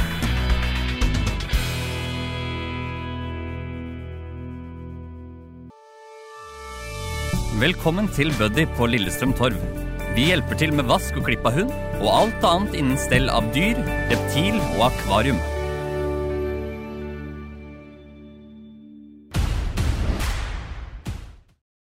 Da er vi over i lokalfotballdelen, eh, og der er jo én divisjon i gang, fjerdedivisjon. Der har de begynt å sparke ball, og som du nevnte innledningsvis her, så har du allerede fått eh, Du har allerede lagt deg flat for feil tips etter én seriekamp i år.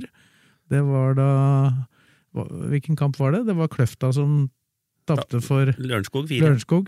Da, da la du deg flat. Ja. Var- Sesongen var på en måte over Ja, allerede. Én en kamp, og fikk jeg melding av Bakkhaug, som var i studio her, og sa det at eh, det er litt tidlig, kanskje. Men 28. mars. Ferdig. 28. mars ferdig. Tabeltid ferdig. Men, det er jo, men jeg, jeg som er glad bomma litt på nå. Ja, Vi tar det etter hvert. da. Vi, må, vi må jo prate om uh, forrige ukes eh, største nyhet i fjerdedivisjon uansett. da. Pål André Helland til Løvenstad. Gjedda er ute av sivet! Det er han vi har og snakka om her hele tida. Altså, nå ble han Han har i hvert fall signert. Om han kommer til å spille, det veit vi jo ikke ennå. Nei, det er jo fantastisk for uh, fjerdedivisjon på Romerike. Og så er det jo, som jeg har antyda, at han kommer til å Jeg tipper han kommer til å spille når han har mulighet. Han er så seriøs. Ja, for, han, ja, for han er glad i å spille fotball. Ja, ja, så han, blir med, ikke sant? Og han må jo Det er jo sånn at uh, han, uh, Mats må jo bare sette han inn når han er klar. Og spille ham han hvis de skal ta poeng. Jeg hadde i hvert fall gjort det. Han er rett inn, liksom. Sorry, du får ikke spille i dag, han kameraten som egentlig skal spille. Ja, så Men den- sånn er, må det være. Du må være litt kynisk òg når du trener i fjerde divisjon. Så han spiller når han er der, og tar alle frispark, alle cornere.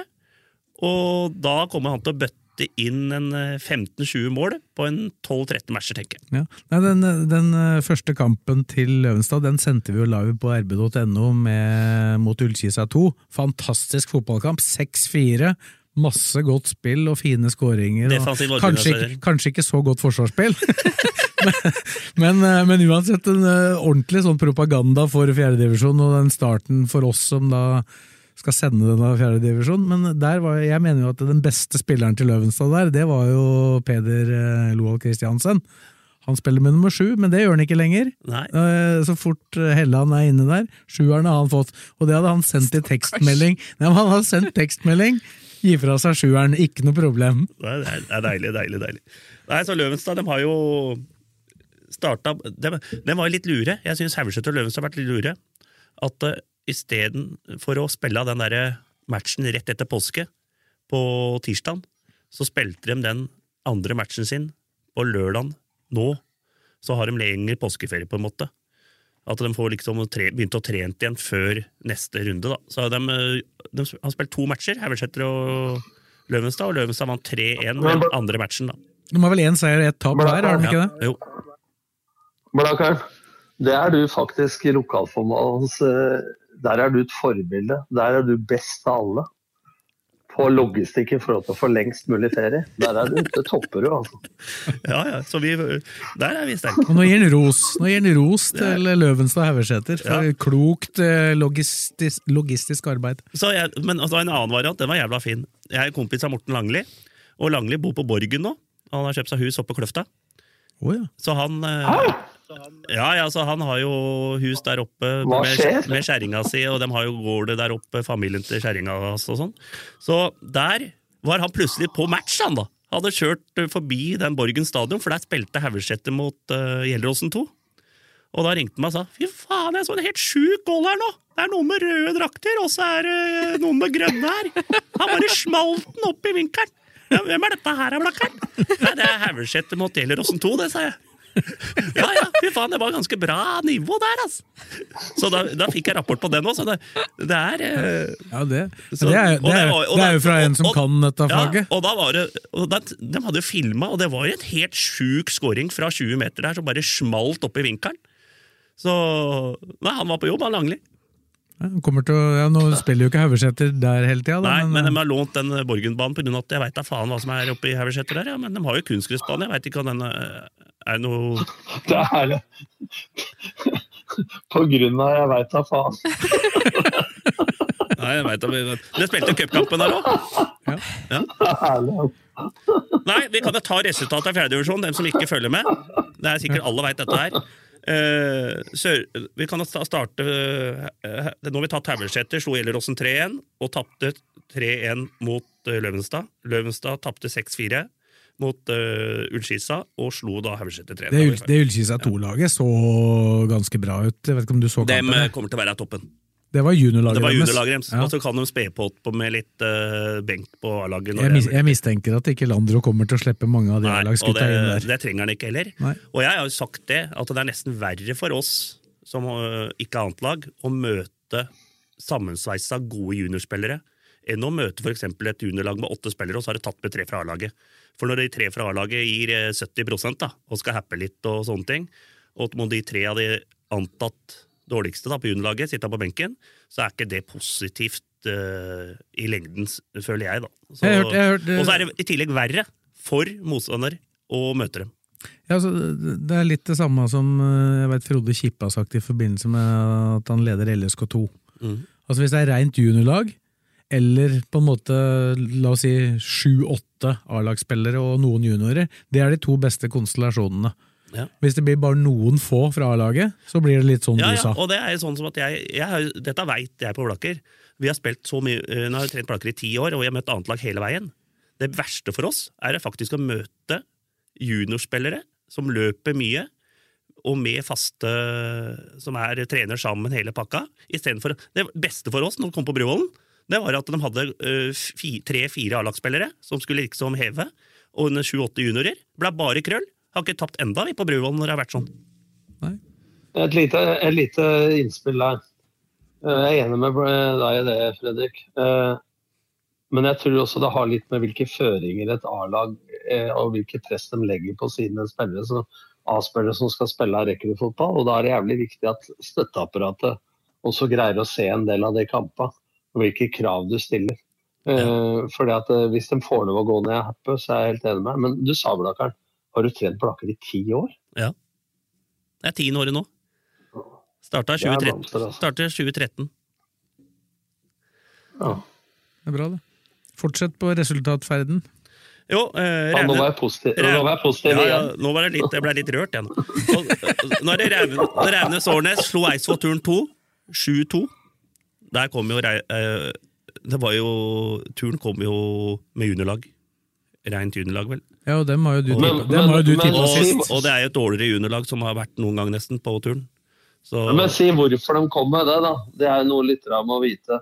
For Det har jo noe med seriestart eh, i fjerde kontra Ja, ingen, ja, ing, ingen av de som spiller de annetlagskampene her nå, får lov til å være med i troppen en gang eh, i første seriekamp. så det er litt sånn, Der da. så blir jo det Ja, ja, det gjelder jo Elleråsen 2 òg, men der ser du at når de taper bare tre mot Tauseter, så har de bra juniorlag dem over, på en måte. da, Elleråsen 2. Eller bra rekruttlag, da, som kommer til å ta mye poeng utover. Og der har de vært jævla flinke på Elleråsen. at det, dem er liksom sånn Det er det samme laget hele tida. De, de tar med benken, liksom, fra A-laget. Hver gang. Men det har ikke Ullskisa. da, De kjører bare nesten på juniorlaget, og så er det noen få kamper kanskje de sper på med A-lagsspillere. Ja, Det så jeg i fjor òg, i forbindelse med at de spilte mot LSK2 inne i LSK-hallen. Da hadde de ikke med Det var ikke de nest beste som satt på benken på A-laget. For de nest beste var og spilte annetlagskamp samme kvelden. Så har du Strømmen Fjellhamar. Strømmen 2 Fjellhamar 1-1. Litt overraskende kanskje for mange, men eh, jeg hadde jo Jeg mente Strømmen 2 De kan bite fra seg. De spilte en treningskamp mot Haugeseter rett før eh, denne kampen og tapte 2-1. Og Haugeseter er et av topplagene, føler vi. Og så er den siste matchen, der bomma jeg noe fryktelig. Den var jeg så på. Sørumsand Eidsvoll IF. Eh, folk kan si hva de vil, jeg så matchen. Men eh, Sørumsand var helt overlegen i annen omgang, og var nærmere faktisk eh, 4-5 enn eh, Eidsvoll hadde et par sjanser. En dobbeltsjanse med Madsen som kanskje skulle skåra på, og så en heading av Kristiansen. Og kanskje et par halvsjanser til, men eh, sånn kampen sett under sett, så var Sørumsand klart best. Første omgang var helt jevn, liksom, men eh, Sørumsand begynte å ta tak første kvarter eh, i, i første omgang òg. Siste Men kvarter. tippa ikke, tipp, tipp, tippa ikke du Sørumsand langt ned? Jo, jo, jeg jeg er helt bomma helt der, ut fra den matchen der. Og, Der òg? Ja, der òg. Men vi må ta noen sjanser, Nordlien! Vi kan ikke bare sitte og Jo, jo, men den største bommen eh, Den største bommen har du ikke Nei, kommet nå. til eh, jo- for det laget du tippa på topp, det var Aurskog Høland. Ja. Og de spilte mot Rælingen hjemme. Og der prata jeg med Trym eh, Helbostad, som jobber i Indre Akershus. Jeg jobber også litt for RB, som Ja. kommentator, faktisk. Så han, eh, han prata litt med kampen, og han er jo jævlig ærlig og objektiv når han prater faktisk om dette her, og han sa det at uh, første gang var 0-0, og Hølland hadde en par svære sjanser, kunne fort leda 1 eller 2-0 til pause, men uh, når først Rælingen skårer, så detter de litt sammen, liksom. Og, men da er det for mye at de slipper inn fem, da, ikke sant? Det, da, det viser at de ikke kanskje har uh, Du skal ikke tappe 5-0. Hvor var du hadde rælingene? Dem hadde vi langt nede i bånn. Ja, så Rælingen i bånn finner 5-0 over seriefavoritten. Og Sørumsand kjører over Eidsvoll i annen omgang og vinner 3-0. Og dem hadde også nede der. Så det lukter jo litt uh, svidgummi. dette Blir her, tippa, på toppen av tabellen av deg, det er ikke noe Nei, nei, Det er bare nei, Da har du presset. Ja, det er bare å begynner jeg å få rett i hva jeg sa til å begynne med podden her, eller? Og så var det, jo- så var det Kløfta som starta som vi tok i stad, i 4-1 her. Det er vel det som skjedde i fjerdedivisjon. Det var morsomt, morsom, det er hockeyresultater hele gjengen her, da, men det er eh, morsomt i hvert fall at det er i gang. Det er bare én runde, da, så det, ting kan jo forandre kan seg litt. Fortsatt, Så når jeg ser på tabellen her, så har jeg ikke én riktig.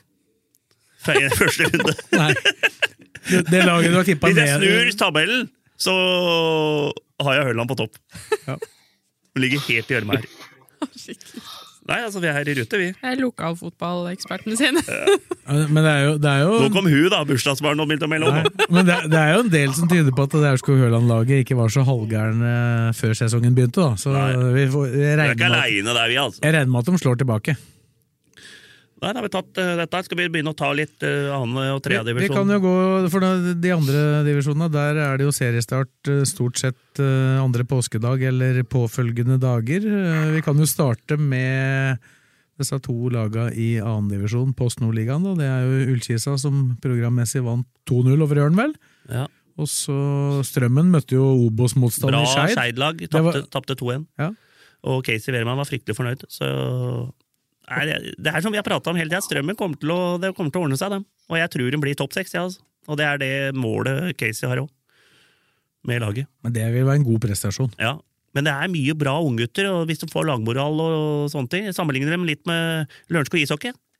Unggutter som har trua på det de driver med, dem kan uh, gjøre underverker. Han påstod at han ikke var ferdig han handla ennå heller. Hæ? Han påstod at han ville ha noen nye spillere inn. Ja. Hva da? Eh, Skeid stiller ikke noe toppa lag. Ikke? Nei, Det vet ikke jeg. Det har ikke jeg kommet Nei, jeg på. så laget. Det er, mange- det er fem-seks som starter den første seriematchen. Ja, ja, men de stilte ikke toppa lag. Nei, men jeg føler at den stallen til Seid er ganske jevn, ass. Ja, han har brukt mye spillere. Men eh, du har, du har sikkert rett, du, Nordlien. Du har vært der eh, og kjenner gutta og sånne ting. Men, Men, det, var et bra, det var et bra lag, da. De hadde toppa, det, men de hadde det- toppa i andredivisjon. Det er vel det han har fått litt kritikk for, faktisk, Skeid, er jo at de ikke har kjørt inn noen elver. Som du sier, Fredrik, har brukt nesten alle spillere i alle kamper. Så, det, det så folk er fornøyd, men eh, det skorter jo litt på samhandlinga. For Men, eh, men hvis dem det man eh, tror var, skal være en elver. For det var vel siste kampen deres før serieåpningen òg, var det ikke det? Jo. Så ja. Jo, men det er derfor han har fått kritikk, for at han bruker så mye av stallen. Da. At det er vanskelig å se konturene. Mange, mange sitter jo som følger med og tenker at det og det blir elveren. Eh, Men han liksom ikke kjørte inn noe så man kan se hva blir serielag ut fra hva han har gjort i treningskampene. Skal vi bevege oss ned i tredje? Han har gjort som? Lillestrøm gjorde hele tida. Ja. Ned i tredje, da, Fredrik. Der eh, ble det mye tap eh, i den generalprøven for de lokale laga. Det skal jeg love deg. Må bare inn på lista mi her igjen.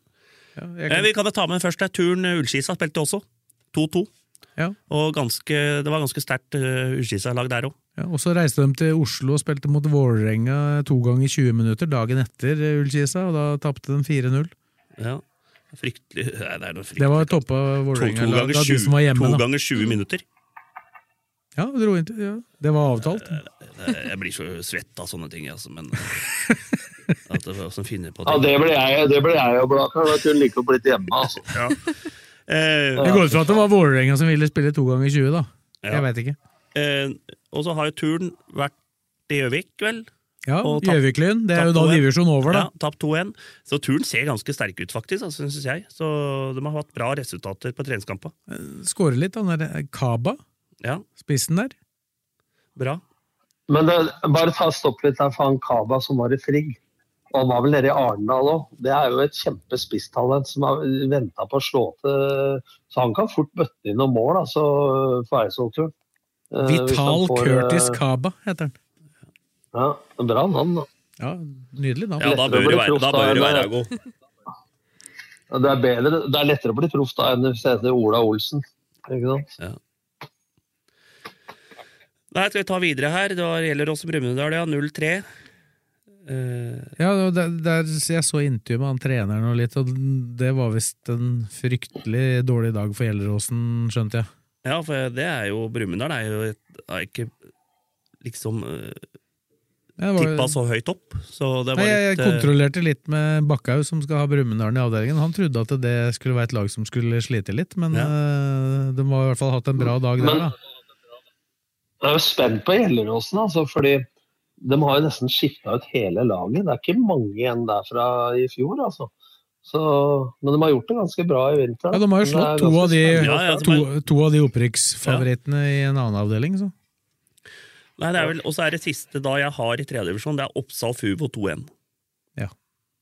Det er ikke nødvendigvis så ille Nei, resultat nei. for Fuvo. Nei, det- men man har jo sagt at Oppsal kommer til å bli litt dårligere og sånn, da, så det er vel eh, Det er vel liga. Så har jeg Skedsmo har spilt på Koffa 2, men der har jeg ikke funnet resultatet, faktisk.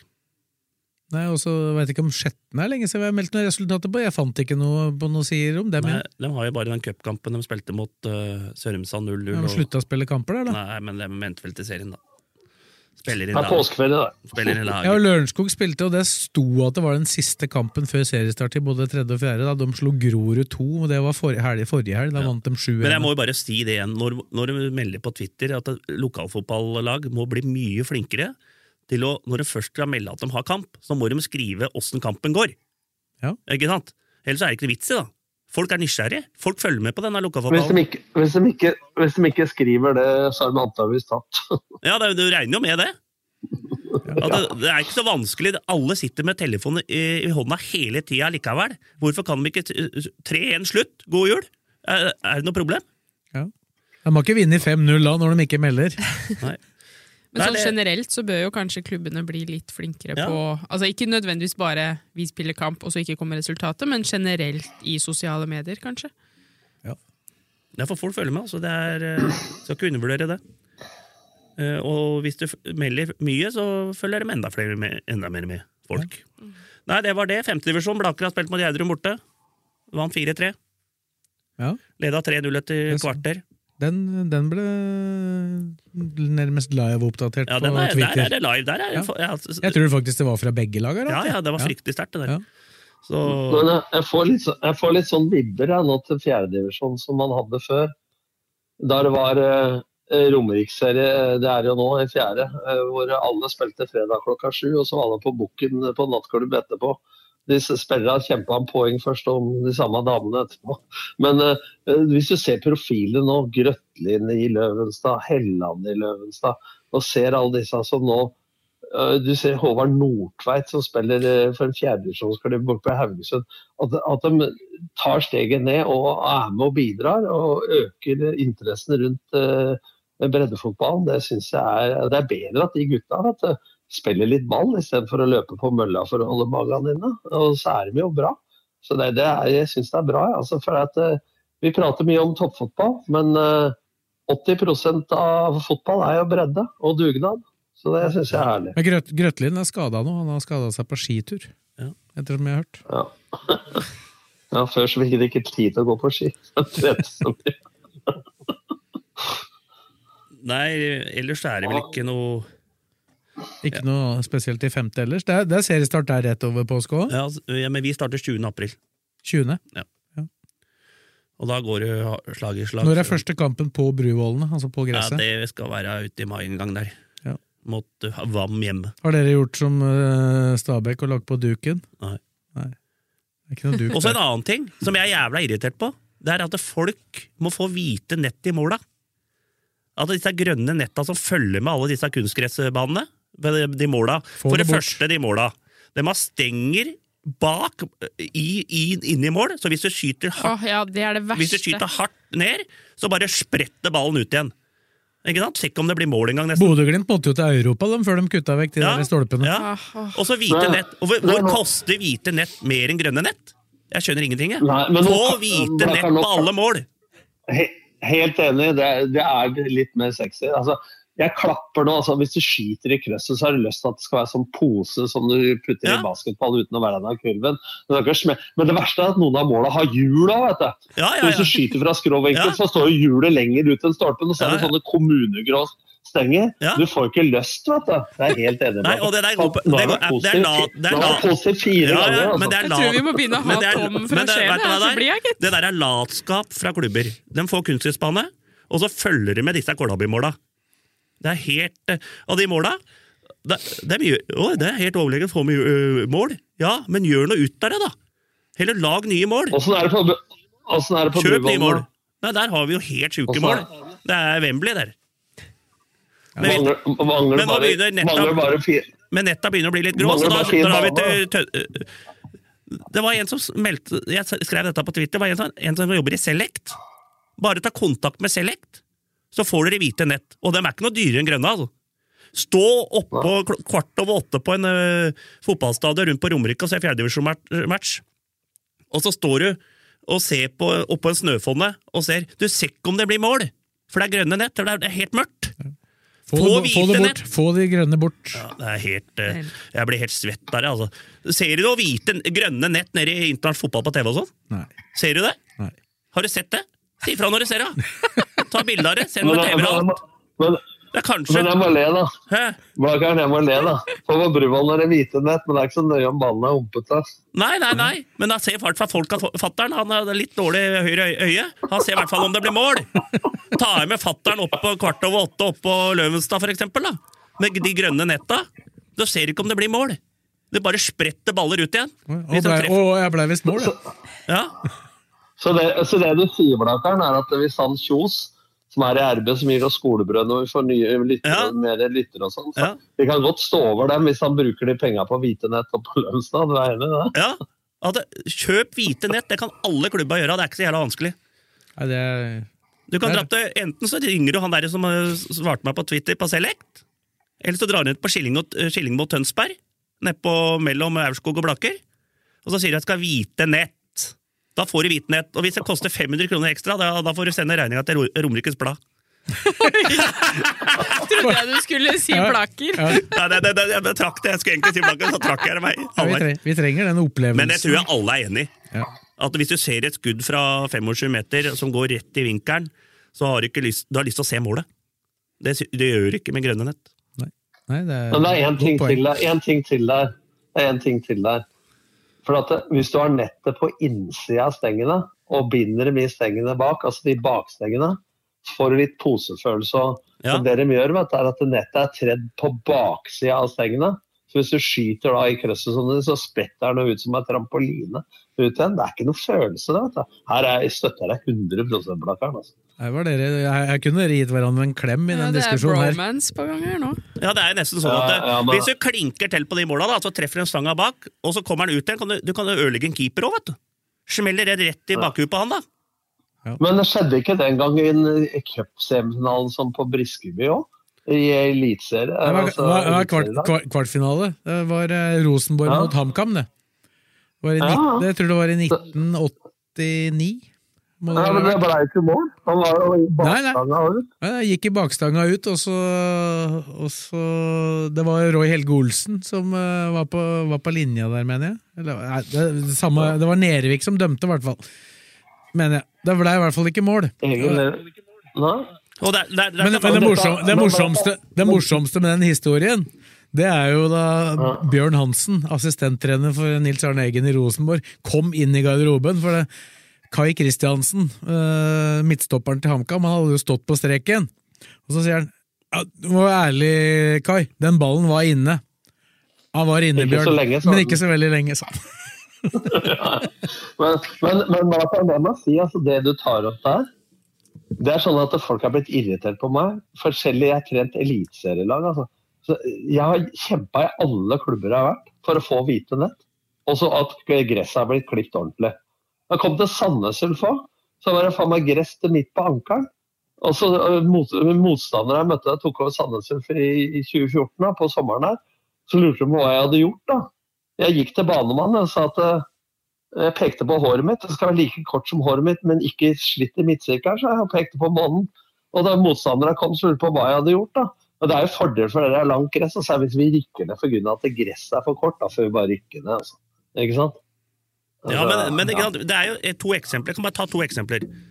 Eh, Du kan ta Åråsen. Måla på Åråsen, helt fantastisk. De var gule og svarte i Ja, det, noen år. det, var, noen år. det er det dummeste jeg har sett. Hadde gule og svarte nett, de klarte dem. Men hvite, hvite, der er det helt fantastisk. Og så, samme på Intility. Der, klar, der, der er de samme, samme nett som på Åråsen, eller samme mål på Åråsen, men de klarer å få det til på kunstgress òg. Så dette er ikke noe vanskelig. Nei, Bodø-Glimt fikk det jo til Ja. når de kom ut i Ja, Europa, for da, fikk de, for da fikk de ikke lov til å ha de der. Nei, nei, nei. Til å begynne med så bare banka de, skåra bøtter Ja, ja, ja. der, så skjøt de i den der stanga bak der og spratt ut. Ja, ja. Men, men sånn, sånn var det på Åråsen, hvis du spør Simon Nesvin nå. Det ble helt andre krav når de skulle spille i Europa, nettopp til det dere sier nå. Til hvordan måla skulle være. Det skal være fastmontert, og det skal være hengt opp sånn og sånn. Og så er det de der åttekanta maskene. vet du, så det, du får, det er kulere å skåre mål da. Ikke sant? Ja, ja, klart det er det. Du skal jo ikke, skal jo ikke undervurdere betydningen av det, både for de som scorer og for de Nei, som det, ser på. Jeg sier, det, det, dette er viktigst for folk som er på kamper, og folk som ser på TV. Altså, nå er jo ikke, det er ikke noe problem på TV, det ser jo alle folk. Men hvis du skal dra rundt på alle stader og se lokalfotball, da, så er alle måla, 90% er jo med grønne nett. Hvem er det som har funnet på de der er grønne nettene? netta? Nei, de, de har jo vært med disse dumme kunstgressbanene som kommer. Så følger de med mål, og da bruker vi de måla. Og det er ikke, det er ikke, må ikke bruke dem. Nei. Men du, hør nå. På Lerkendal Du veit at de netta som er bak målet noen steder på stadionet, sånn er det vel på Åråsen òg? Det er nett foran RB-tribunen, er det ikke det? Jo, men de er nesten usynlige. Jeg veit hvorfor de er usynlige, for det er svarte. Ja. Og det LSK hadde svarte og gule nett, men på Lerkena så var det to, en eller to sesonger hvor netta var helt svarte. Når du satt og så på TV eller på stadion, så så det ut som at måla var uten nett. Har du sett et, har du sett et hockeymål med grønt nett før? Nei, men har du det? Jeg tror du det er en grunn til det? Jeg tror du det er en grunn til det? Blakeren angriper nesten meg som skulle tro at det var jeg Ja, som men, hadde ja, på men på tror du det er en grunn til det? Tror du, tror du, Snart over bordet her. tror du, tror du det er en grunn til det? Det er en grunn til det. Ja, det For at det- folk kanskje kan se om pucken går i mål. Ja. Og det er vanskelig å se det i hockey, altså. Ja, Men du ser det når den havner i hvitt nett. Ja. det er sant. Jeg er enig med deg, jeg, dette er faktisk, dette er faktisk så bra beskrevet at jeg som ikke ser dere nå Dere prater i bilder nå. Det er bra formidling, altså. For at Nå ser jeg det for meg at Blakkaren er over bordet der og, og ser pucken på vei inn i det hvite nettet og greier. Selv om, jeg, selv om et bra- hockeymål langt nede i Canada, langt ute i bushen i Quebec, der Quebec? er det hvite nett. Ja. Ja. Når du ser, har du sett Blakeren nå, Tom, så det hadde, Quebec? sett, hadde, sett, Quebec hadde, du tru, hadde du faktisk trodd at det var jeg som produserte de grønne, grønne netta. Ja, men jeg blir er irritert. Jeg blir så jævla er irritert. At det det er vel folk som begynner det er vel folk Blakkaren, som reagerer på at du kaller det Quebec, eller Quebec som du kalte det, for langt ute i Uteheita. Mannen fra Blaker kalte ja, Quebec for langt helt, ute i ærlig, helt ærlig, det er bedre at det ikke er nett. Det er bedre at det ikke er nett enn grønne nett, for da ser du i hvert fall at ballen går forbi og opp i skauen og i mål. Der, der var mål. Gjøre sånn som det er i Afrika. Ja. Det er jo derfor, de påstår at det er derfor en del av de afrikanske spillere som kommer som unge talenter, at de, de skyter ikke hardt og gjennom ballen, for de veit at hvis de gjorde det på Løkka i Afrika, så måtte de løpe så jævlig langt etter ballen. Ja. Så, Nei, men da har vi tatt den for en en gang for alle. Ja, er- Men det kommer ikke til å skje en dritt. Vent og se. nei, men det vi, skal, vi må følge opp dette her. Halvtime om hvite nett Halvtime om hvite nett er ikke verst. Hvem, hvem blir den første klubben som bytter fra grønne til hvite nett? For heder og ære i dødball, i hvert fall. blir Nei, men det er, det er jo, det er ikke det er jo pes til alle de som har grønne nett, men det er jo bare Hvorfor skal de ikke gjøre det? Det er, det er en vrange, eller? Jeg veit hvor det skjer først. Ja, hvor er det? Etter press. Løvenstad. Løvenstad tar det først. Helland kommer til å si ifra. Nei, jeg spiller ikke en match hvis ikke det er hvite nett. Nei, da, da, tror jeg, da tror jeg det blir nett! Da tror jeg vi har hvite nett. Ja, det er det jeg sier, ja. Det må ha hvite nett når de har så stygge drakter. Nei, Drakter er kule, men jeg er mer bekymra for dem. eh, Jeg tok den. Har du sett reklamer de har på brøstet? Jeg sa at Republic og Peppers Ja. Nå skal ikke vi drive reklame, men, Nei, men vi måtte det jo nevne det. Jeg måtte, jeg måtte, hvis de holder seg unna den, så kan det gå bra med Løvenstad. Ja. Sånn Og grønne og hvite nett. Nei, men Skal vi si at det er bra, da? Ja, det er bra. vi, har, vi har holdt på i tida vår, vi. Ja. Så det er uh, hyggelig. Vi er tilbake over påske. Da blir det ikke på mandag, for da er det kamp. Da blir det nok på tirsdag. Så plutselig er vi, er vi tilbake. Takk for uh, at du var med på telefonen, Tom. Takk til Fredrik, takk til Karine, og takk til deg som hørte på. Og da til deg. er vi plutselig tilbake. Ukens annonsør er HelloFresh. HelloFresh er verdens ledende matkasseleverandør og kan være redningen i en travel hverdag. Mange av oss har nok vandret i butikken både sultne og uten en plan for middagen, som ender med at vi går for de samme kjedelige rettene gang på gang. Middag burde være dagens høydepunkt. Som Hello Fresh kan du nå velge mellom 25 ulike retter hver eneste uke, eller få Hello Fresh til å sette sammen menyen for deg. Dette gir deg muligheten til å prøve nye og spennende retter alene eller sammen med familien. Du velger antall porsjoner og får alt levert på døren på et tidspunkt som passer for deg. Oppskriftene er enkle, og maten er lett å lage både for store og for små. Ved å få alt levert hjem får du også mer tid til å dele matgleden med familie og venner. Kanskje det frister med asiatiske tacos eller greskinspirert kylling? Da kan jeg anbefale deg om å gå inn på hellofresh.no. Her kan du bruke koden FOTBALL og få opptil 1779 kroner i rabatt på de første fem matkastene hvis du ikke har prøvd HelloFresh tidligere. Du kan også bruke rabatten hvis du har vært kunde og stoppet abonnementet ditt for tolv måneder siden eller lengre. Gå inn på hellofresh.no og bruk koden FOTBALL. Har du et enkeltpersonforetak eller en liten bedrift? Da er du sikkert lei av å høre meg snakke om hvor enkelt det er med kvitteringer og bilag i fiken, så vi eh, gir oss her, vi. Fordi vi liker enkelt. Fiken superenkelt regnskap.